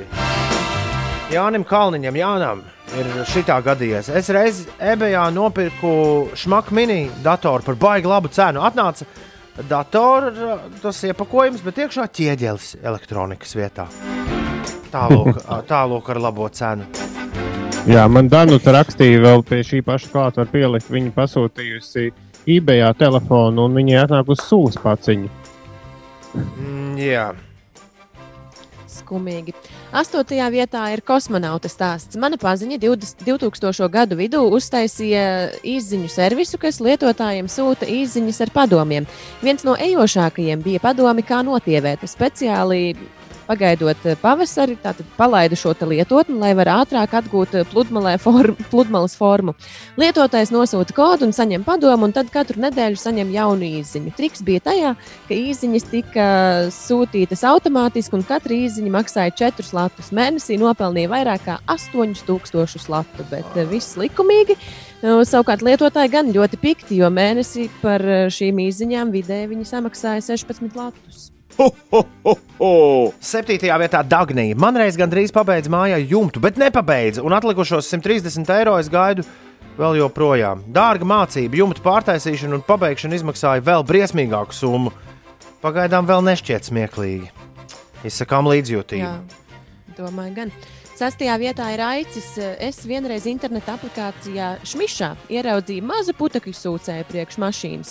Pēc trim mēnešiem atnāca nevis putekļu sūcējs, bet mazas skrūvītes. Labi, ka nauda nebija liela, bet vairs no turienes neko nesūtītu. Piektajā pozīcijā ir Arčīs. Kad dzīvoju Anglijā, man uz ielas piedāvāja televizoru par ap 200 poundiem. Iepakots, viss smuki, plakanais ekrāns, bija pavēra vaļā, izskatījās labi, aizved mājās, izpakoja. Pilnīgi savādāks nekā uz kastes uzzīmēts, un ekrāns nestrādāja. Sāpīgi. Ceturtajā vietā ir Kristaps. Esot vēl students pēc ballītes nākamajā dienā, Facebook ieraudzīja reklāmu. Milzīgs, desmitvietīgs rozā flamingo priekš izklaides uz ūdens un tikai 19,99 dolāri. Tikai tagad sapratu, cik biju naivs un, protams, neko nesaņēmu. Trešajā vietā ir Jānis Jānis, kurš Facebookā reiz ieraudzīja reklāmu, kur super izdevīgi šmaika Factory outlet apavi tika piedāvāti. Jaunākās skriešanas botes, kuras veikalos maksā ap 120 eiro, var par 50 eiro nopirkt. Es mūdaks iegāju tajā lapā, pasūtīju ķēdes, samaksāju 50 eiro un nekādas botas, protams, neesmu redzējis. Gribēju rakstīt sūdzību, bet ātri vien nebija ne tās mājaslapas, nekā. Tagad vairs neticu nekādām Facebook reklāmām, super un palēto. Esmu iemācījies, ka pirms kaut ko pērc, izpēti to mājaslapu kārtīgi. Nu, vai arī Jānis Janīt, kā es daru, iemet Google un uzrakstīju, nu, vai ir kaut kādas atsauksmes. Par to pārdevēju. Ja? Vai review, jā, par, par, par, par mājaslapu, par pašu mājaslapu, kurā tu pērc. Ja tu tādu dzirdi pirmo reizi, tad, tad iesit, uh, jā, review, un tad tu palasīsi, kā citiem cilvēkiem ir gadījies ar botēm. Otrajā vietā mūsu top 10 ir Kārļa stāsts par apkrāpšanu Bankokā. Tā bija veselu krāpnieku ķēde, kas sākotnēji likās nesaistīta, bet tikai pēc tam sapratām, tur bija gan biļešu kontrolieris, tuktuk šoferis, cilvēks, kas lūdza stemplī, smaidošs būda, un visi kaut kā vilku uz to, ka jāpašu jaunas drēbes un tieši vienā vietā. Galā pasūtīja divus krēklus, un, godīgi sakot, ja nebūtu vakarā iegūlējuši un atraduši Taylor Skam, tad būtu sajūsmināti par superlaipniem cilvēkiem. Krekli, protams, bija zemes kvalitātes un nederēja, bet mums vēl paveicās, jo, kā lasījām, citi bija pasūtījuši divus uzvalkus, tā kā tikām cauri vēl eh, pa lēto, un tuktuks vizināja vēl mūsu pusdienu pavelti. Edgars ir šodien dabūjis pozīciju numur viens top desmitniekā. Viņš raksta, ievilka mani baznīcā un solīja mūžīgu mīlestību, līdz nāve mūs šķirs.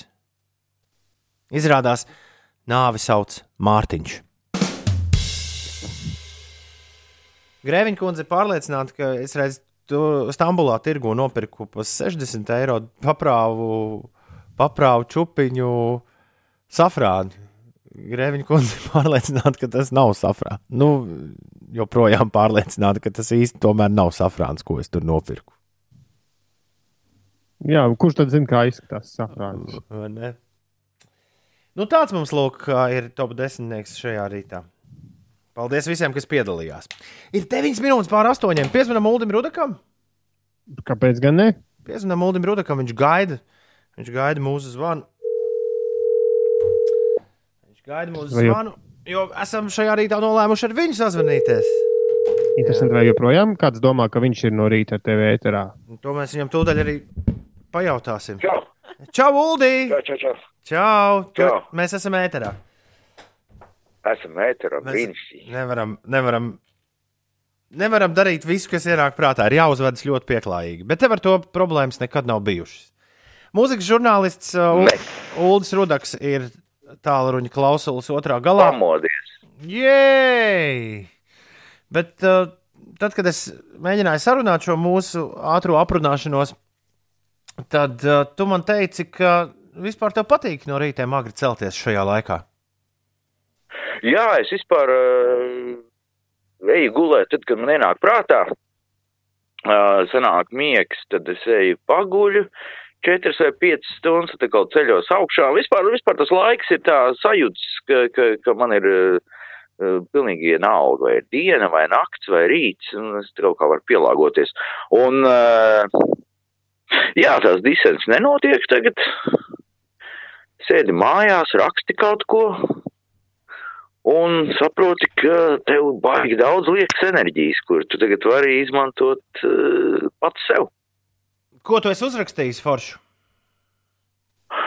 Zini, uh, es uh, esmu sācis izbaudīt uh, visparastāko savas domu plūsmas pierakstu, nedomājot par to, vai tas kādreiz kaut kur noderēs vai nē, un pēc tam skatoties to visu cauri un redzot, cik tur daudz visādu foršu lietu, no kurām katra varētu izveidoties par veselu romānu, lūgu, stāstu vai, vai vienkārši ierakstu kaut kādā Twitterī. To tad var izdomāt, kas, kas kam vairāk der. Leģendārais desmit. Jā. tāds baudas, baudas veids rakstīšana. Mm -hmm. Tas ir tā, ka tu kaifo no teikumu likšanas kopā no vārdiem. Forši. Uh, Jā, tas ir tāpat kā, piemēram, cilvēks, cilvēks kurš uh, rok zemi, viņš uh, to dara tāpēc, ka viņam tas ārkārtīgi patīk, nevis tāpēc, lai izraktu kaut kādu bedri funkcio ar funkcionālu nozīmi. leģendārais grupas desmits solists Morisejs pirms uh, kļuva par Moriseju, kādu mēs viņu pazīstam, bija mūzikas žurnālists. Pie tam arī izdeva, Jā, izdeva jā. pāris uh, grāmatas. Un pavisam nesen Morisejs pie rakstniecības ir atgriezies, ļoti specifiskus memoārus uzrakstīja un ir arī uzrakstījis savu pirmo romānu. Kad mēs lasot Facebookā Ulu Rudaka daļu literatūras darbus, daudziem ir jautājums, kad mēs ieraudzīsim beidzot nu, kaut vai kaut kādu stāstu krājumu no tevis. Es domāju, ka man ir vienkārši jāsaņemās un kaut kas no tā visa, kas man ir sakrājies, jānoved līdz galam. Jo man ir ļoti daudz visādu nepabeigtu lietu, uh, kuras varētu noteikti stāstkrājumos izdot. Bet uh, tajā pašā laikā ir visādas tādas konkrētas, ļoti konkrētas lietas, vairākas grāmatas, kuras ir tādā pus, pusuzrakstīšanas stadijā. Vienkārši ir, ir jāpieķerās un jāpabeidz. Un, pašlaik jau it kā būtu laiks pieķerties un pabeigt, bet vienkārši šis laiks šis laiks ir tik brīvs, ka viņi gribās izmantot tik brīvi, cik vien iespējams. Un, ja es kaut ko daru, tad, ja es kaut ko, kaut ko daru, ja man ir brīvs laiks, un, kas, tad es gribu darīt to, kas man sagādā vismilzīgāko baudu, un tas ir, tā ir tieši vienkā, vienkārši kaifošana no, no, no, no tās otiņas, eh, kas tev ir rokās, kā viņi kustās pa to sienu. Tā, tā. Un kas tur uz tās sienas rodas, un tu nesaproti, kas tas ir un, un, un, un kas no tā iznāks. Un vienkārši baudi to procesu. 35 gadus. Uh, tu baudi un, un priecājies arī ik reizi, kad izdzirdi inokentiju mārplu. Un, un uh, Aija Blēja, režisori, ir uzķērusi šo. Nu, pirmkārt, jau tavu draudzību ar Dāmbi. Kas ir? Jā, mēs pat esam dzīvojuši vienā dzīvoklī. Ār- Es ārprāts. esmu- Jā, es, es viņu īrēju istabiņu kādreiz. Viņam bija un viņš man izīrēja. Es, es, Par, par eh, šo es epizodi dāmai- tavā dzīvē es vien gribētu kādu grāmatu izlasīt. Jā, tur bija tā, ka tad, kad uh, Dāmbim bija mierīgais periods, tad viņš uh, man aizrādīja, ka jāuzvedās esot klusāk un mierīgāk. Savukārt, kā viņam, tā kā viņam bija rokenrols, tad, tad bija variants vai nu pievienoties vai bēgt no turienes. Kamēr beidzas. Brīnišķīgi. Aija Blēja, dokumentālo, uh, dokumentālo filmu režisori, ir uzķērusi šo jūsu, šo jūsu kopējo lietu un uh, ir uz, uztaisījusi veselu filmu. Jā, pats film, no filmas neesmu redzējis vēl nevienu o, no uzfilmētiem metriem. Runāju izsakoties tādā vecki našņika valodā, jo tagad jau metros vairs filmas ne, nemēra. Mm, Un, un, un, jā, es filmu neesmu redzējis un pats ar nepacietību gaidu šo pirmizrādi, jo ir ļoti interesanti, kad dažas epizodes ir filmētas sen, dažas tik sen, ka nevar vairs pat atcerēties, kas tajās ir ticis darīts un runāts, tā ka būs ļoti interesanti, kas no tā viss sanāca. Atšķirībā no Protams, ka, Jā. Protams, ka varētu tagad, tagad uh, uzstādīt kaut kāds noteikums, un nu, es filmu gribu redzēt, parādu man, parādu man. Tā ir dāmas, cik es noprotu. Bet, uh, bet es tā ļāvu tam notikt. Man nav nekas, ko slēpt. Pilnīgi nekas. Es esmu filmu redzējis, un es jau tev teicu, ka tev nav ne par ko jākaunās. Tur viss ir, viss ir ļoti forši. Un, un, un, un ir tīpaši viena epizode, kurā jūs ar uh, dāmu abi divi sēžat, uh, pīpojat miera pīpi un, uh, un, un kā no, no pusvārda arī, arī pierāda un parāda precīzi, kāpēc filmā, kurā tu arī esi viens no galvenajiem varoņiem, kāpēc šo filmu tomēr sauc, mēs gribējām izmainīt pasauli Inokentijas Mārpls. Jo man liekas, ir forši, Ulu, ka filma par tevi ir patiesībā filma par tavu mīļāko grupu. Jā, tas ir brīnišķīgi, jo mana, okupācija, mana grāmata okupācija, tā kā, tā kā viņas nosaukums ir okupācija latviešu rokmūzikas vēsture, tā kā garais nosaukums. Tā ir vēsture caur mani. Uh, un, un, un šī filma, nu, gluži nav caur mani, bet caur režisors uh, skatījumu. Bet, uh, bet, bet uh, tā, tāds, tā, tāds, tāds, nu, kā tāda grūpija es esmu bijis visus šos laikus.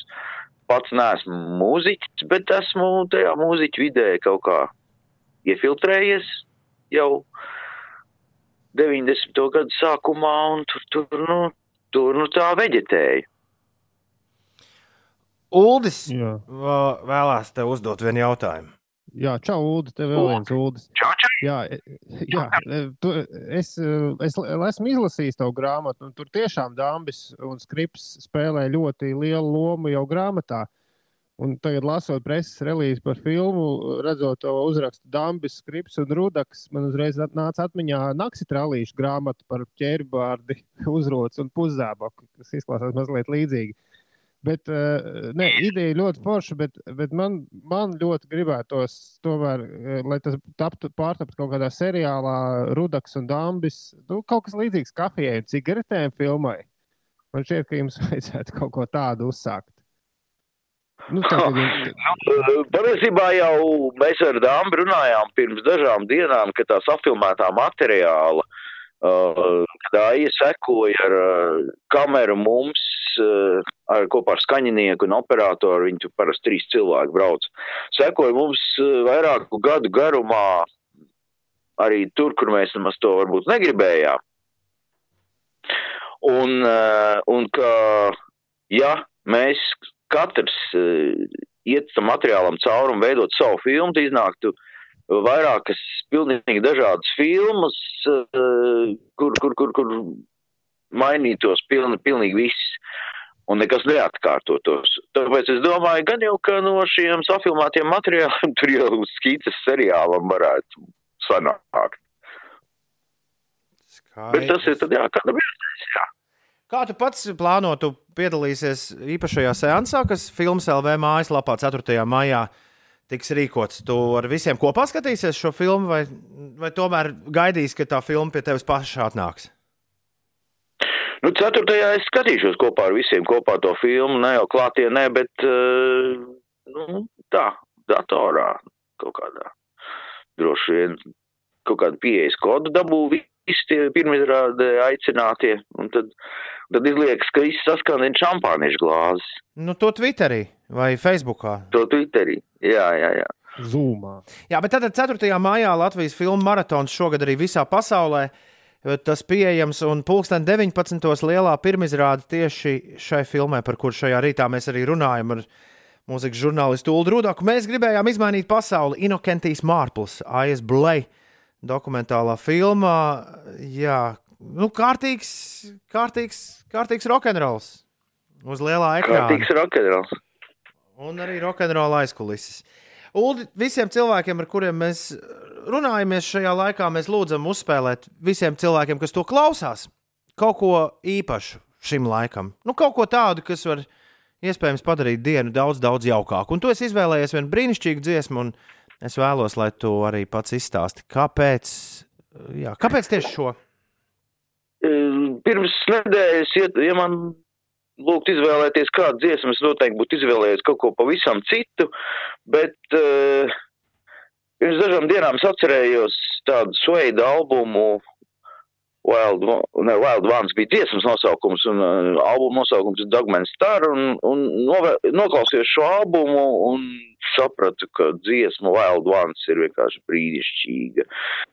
Jo, kad Bets Andersons tur iedziedas, tur ir tāda sajūta, ka izbir, izbirst visas uh, rūtis logiem, un Breta Andersons balss saspēle ar Bernardu Butleru ģitāru, tur vienkārši burvīga un šī divu cilvēku tāda uh, muzikālā sadarbības virsotne, man tā šķiet. Klausāmies. Tie divi. Jā, kla... Sveid, tā laika līderi. Mm -hmm. Klausāmies Sveid, The Wild Ones, Butler un Andersonu. Ulu, paldies par, papļāpāšanu, lai tev, lai tev sokas, lai, lai jā, nenogu, nenogurst preses aktivitātēs, kas tev jāveic uh, sakarā ar šo filmu.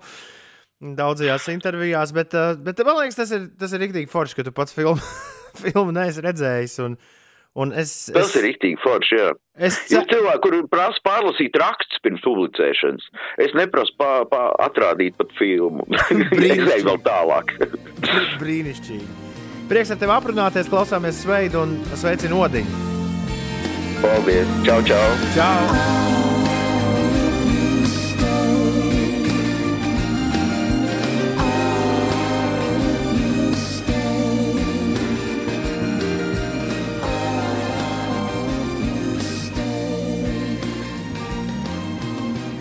Suede un The Wild Ones. 8,27 minūtēs Ulu Rudaka. Īpašā dziesma, kas jānoklausās visiem jums, jūs to esat noklausījušies. Lai dzīvo Britpops un Rudaks, raksta Krapes Reinis. Čau, Reini!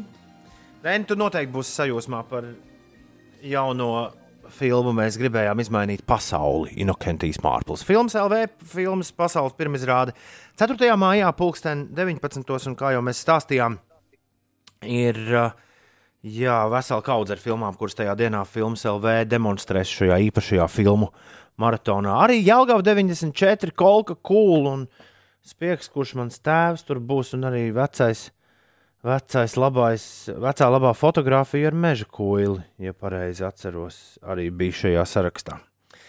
Nu, lūk, un odiņš, kur es liku Ulim pasveicināt, ir Ulas Suns, kurš arī ir redzams aizblējis dokumentālajā filmā. Mēs gribējām izmainīt pasauli. Jā, Uh, odiņš uh, ir Ulu Rudakas suns. Mēs gribējām izmainīt pasauli. Kādreiz mākslinieks. Uldīnēs, jūs tur arī vēl esat? Jā, jā, jā, jā, jā, jā. Viss kārtībā. Ines, negulī, pastāst mums, kas notiek. Ines, stāsta vēlreiz, kas notiek.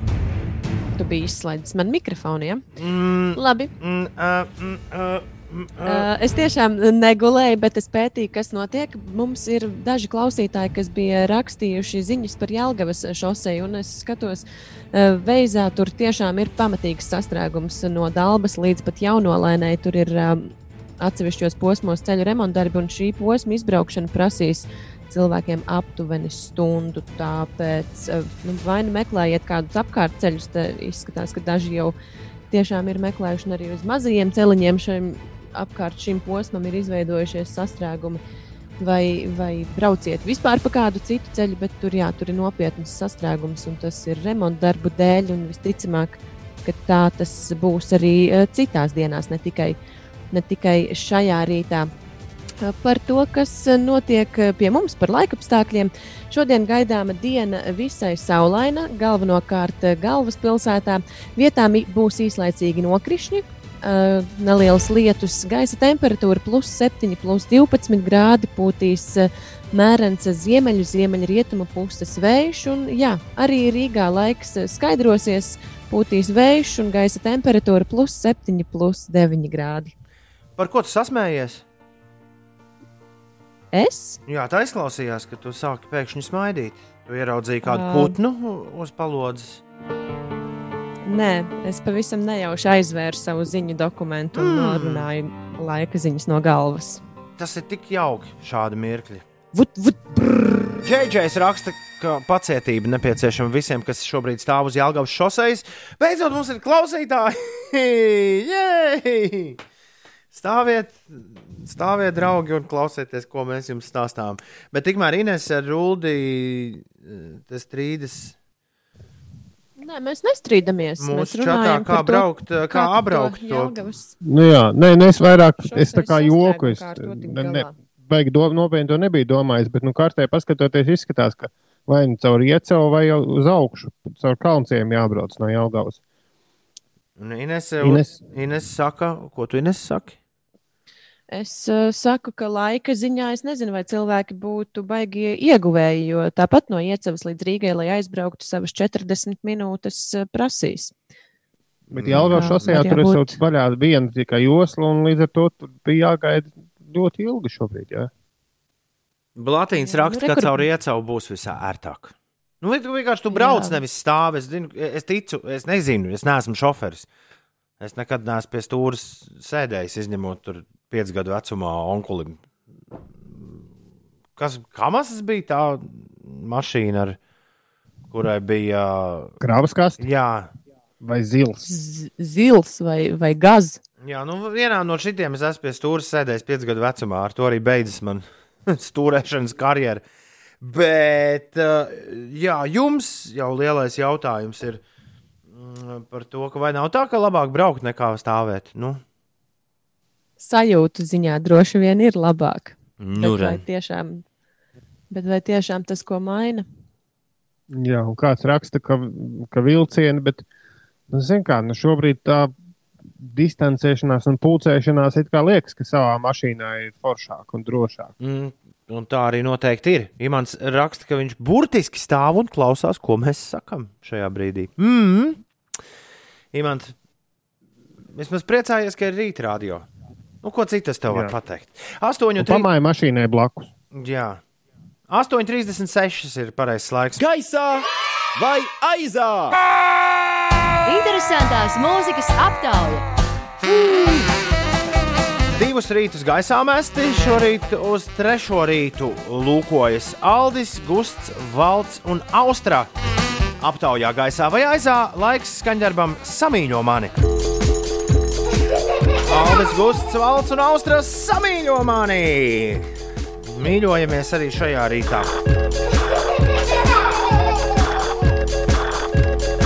Man liekas, mums arī šis suns bija kaut kādu brīdi. Man liekas, ka tāds suns ir bijis katrā ģimenē, kurā ienāk uh, bērns. Bet nu, tagad to aizstāja, piemēram, es te uz trīs gadsimtiem skatos uh, burbuļu pilspalvas. Jūs par tām kaut ko esat dzirdējuši? Nē, Nē. Tad par to man būs jums jāpastāstā nākamā trešdiena, jauno vecāku rītā. Šis nav nekāds jauno vecāku rīts, šis ir rīktīgs gaisā vai aizā. Samīļo mani! Rīktīgi psihedēlija no karantīnas.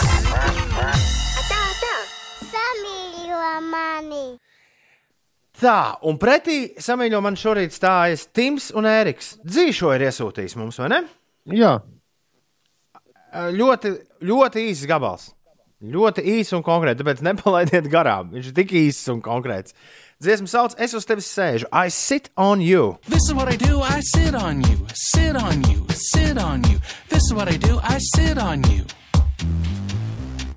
Šis ir tas, ko es daru. Es sēžu uz tevis, es sēžu uz tevis, es sēžu uz tevis. Tāds ir teksts šai dziesmai. Metam gaisā vai grūžam aizā? Ieteikumus sūta rīti at 5.lv.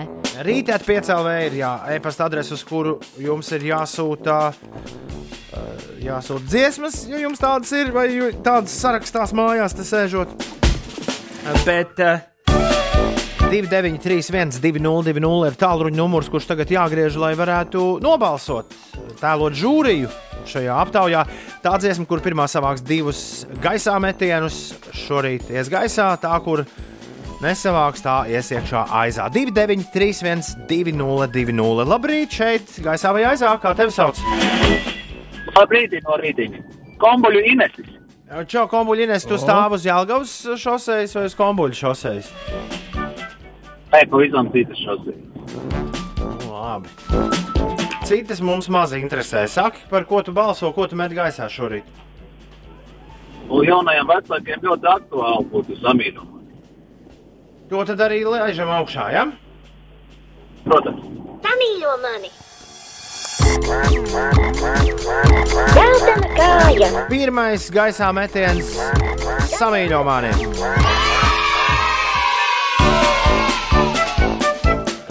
Labu rītu, saka saule, labu rītu, šalko gaisā vai aizā. Kas mums zvana? Labrīt, labs rīts, Mārtiņš zvana. Mārtiņ, prieks tev dzirdēt. Mārtiņ, vai šodien normāla darba diena vai pavisam Šodien- laiska darba diena? Nē, šodien ir ļoti laba darba diena. Tad labi. Sveic, tas nozīmē, ka rīt uz priekšu. Tas nozīmē, ka būs peļņa. Tas nozīmē, ka būs peļņa. Tas ir svarīgi. Jā. Tas ir svarīgi. Tas ir būtiski. Mārtiņ, par ko tu balso? Par uh, samīļojumu šoreiz. Labi, lai notiek. Samīļo mani! Zeltaina kāja. Dziesma par sēdēšanu visur un visiem klēpī. Uh, jā, diemžēl neguva atsaucību gaisā vai aizā. Samīļo mani trešo reizi tiek mests gaisā. This is what I do. I sit on you, sit on you, sit on you. This is what I do. I sit on Un Tims ar Ēriku, kur dzied, es uh, sēžu uz tevi. sit on you, sit on you, sit on you. Aizā iekšā. sit on you, right on your head. Ja Ingūns būtu sazvanījis, tad būtu viens pret viens bijis šodien. Bet nu nav viens pret viens. Samīļo man ļoti tā pārliecinoši iet uz priekšu. Es neesmu neko sajaucis sūdu. Viņiem ir trīs uzvaras. Ja? Jā, ir pareizi. Viņš šobrīd ir trešajā vietā. Un, un kā mums rakstīja Andris, ja nemaldos, eh, autoriem pagaidām vēl nav ansambļa nosaukuma, bet pie tā tiek domāts. Labi domā, lai labi domājas, tāds mums, eh, mums jums, vēlējums. 8,42 minūtes. Kraps Reins ļoti gribēja, lai jūs nolasāt ziņu, ko viņš ir iesūtījis.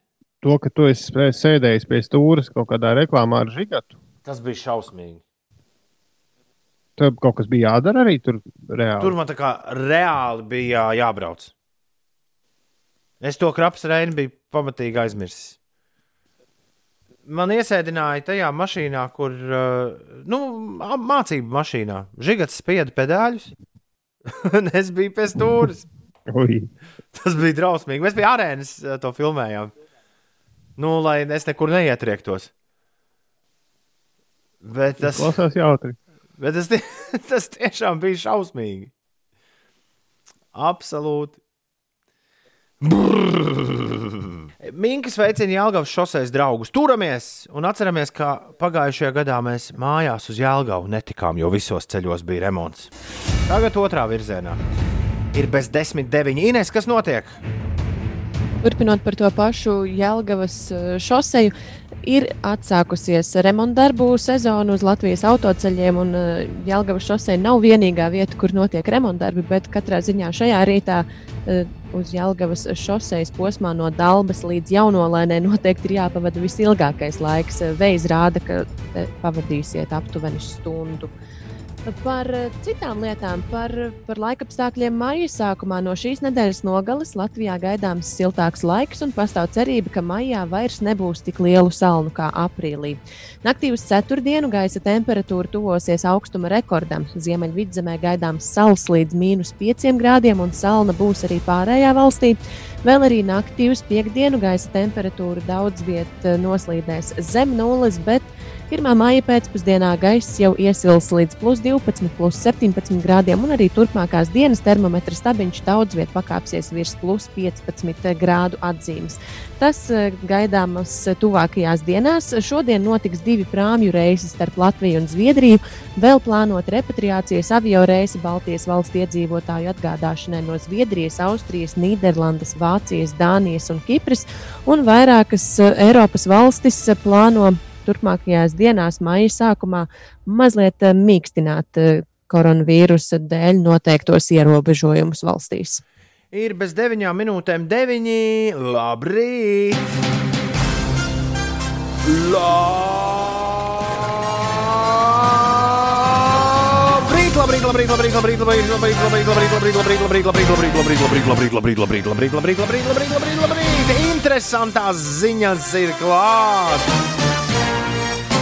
Uh, viņš grib būt virsvidējā, viņš grib būt populārs, viņš grib būt atpazīstams, slavens. Viņš dara visu, lai viņš tāds būtu, un tajā nav absolūti nekā nosodāms. Uldi ir Andris Kavičs nobloķējis Twitterī.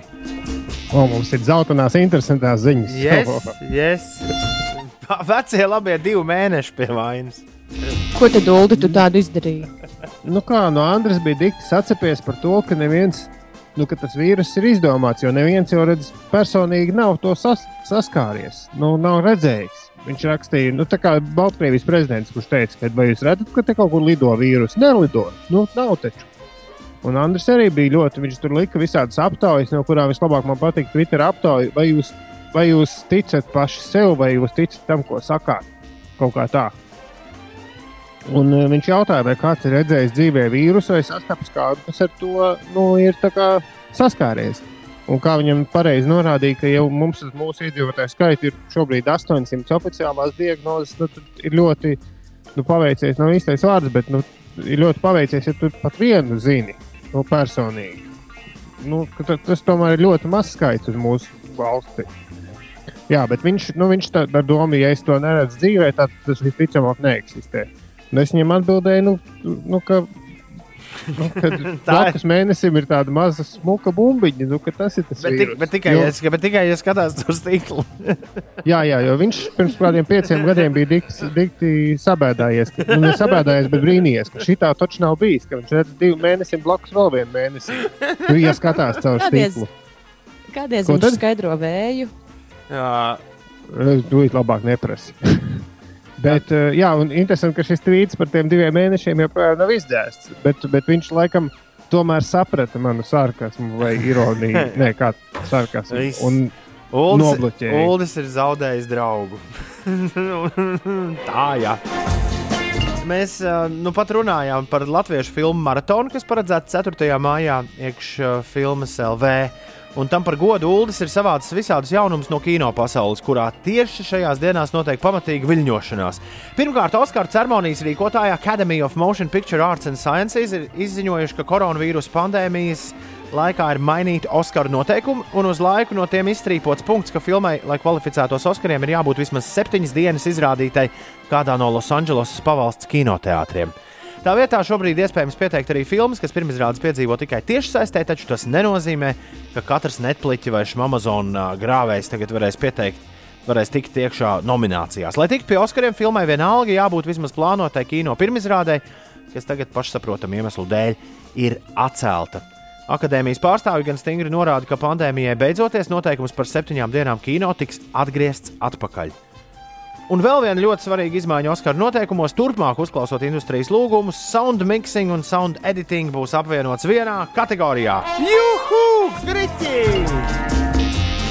Tikmēr pavisam nopietns kašķis ir izcēlies starp filmu kompāniju Universal un ASV lielāko kinoteātru tīklu AMC Theatres, kur ir paziņojuši, ka tad, kad kinoteātris atsāks darbu, Universal filmas tajos vairs netiks rādītas.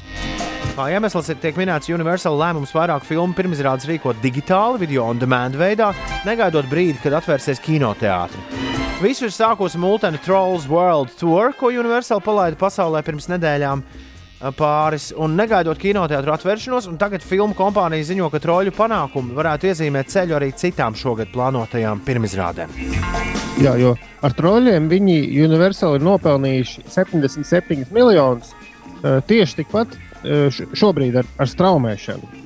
Tieši tikpat, cik nopelnīja pirmā troļļu mūtene kinoteātros. Wow! Bi vienīgi kinoteātru gadījumā, pirmās mūtens gadījumā, apgrozījums bija 150 miljoni. Tas nozīmē, ka pu- pusi, vairāk nekā pusi paņēma nu, izrādītāji. Savukārt šajā gadījumā tehniskie izdevumi bija tikai 20 miljoni un 77 miljoni. Nu, kompānijai ienāca, respektīvi, pat tā kā bišķiņa izdevīgāk sanāca otrie troļi nekā pirmie, kas bija kinoteātros. Un skaidrs, ka kinoteātriem šis ļoti nepatīk. Un, un tagad ir universāli izplatījuši paziņojumu, ka, protams, ka, ka, ka filmu vieta ir kinoteātros. Bet, eh, kā, nu, kā raksta neatkarīgi kino zinātnēji, tad šie te troļu panākumi. Jo es, piemēram, angļu rādio arī visu laiku dzirdēju reklāmas, ka pieslēdzies tam un tam televīzijai un skaties troļus. Tur kaut kādu astoņas mārciņas vai desmit bija jāmaksā. Ar pietiekami iedzīgu reklāmas kampaņu izrādās, ka var pelnīt arī bez kinoteātriem. Jā, man šobrīd neizdodas tikt pie troļļiem legāli. Es tur vēl vairākas minūtes spaidu pogas. Bet jā, troļļu jaunā mūtene ir ārā, tur ārā. Un tagad laiks ir pienācis Ines un Ulu jums noklausīties šī brīža pasaules vispopulārāko dziesmu kopš pagājušās piekdienas. Tas ir šis skaņdarbs. Arī Latvijā absolūts straumēšanas līderis Deskots. Un Deskots ir reperis Travis Skots un reperis Kid Kudī. Šobrīd vissvarīgākā dziesma uz zemeslodes. Deskots! Headed for somewhere to go. Them on these D's. Don't know where to go. Gotta keep giving them heat, heat. Time to go double though. Time to add up the mad, mad. And I've been dealing with so many things, having so many dreams.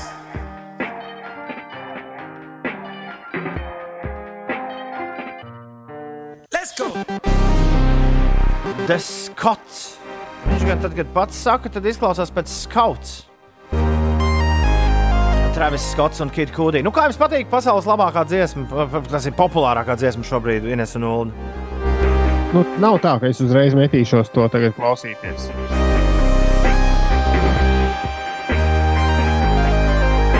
Bet tu vari mesties, ja tu nu patiesi līdz rādio mesties uz rīta piecēlē un klausīties šo pārraidi vēlreiz, jo tur tā turpināsies. E-punkts uz Slīpsvītra podkāsts. Tur arī būs šī raidījuma labākie momenti. Mēs būsim apakaļ rīt, rīt pēdējā darba diena nedēļā. Visu labu! Ā, tā! Tā! Čau!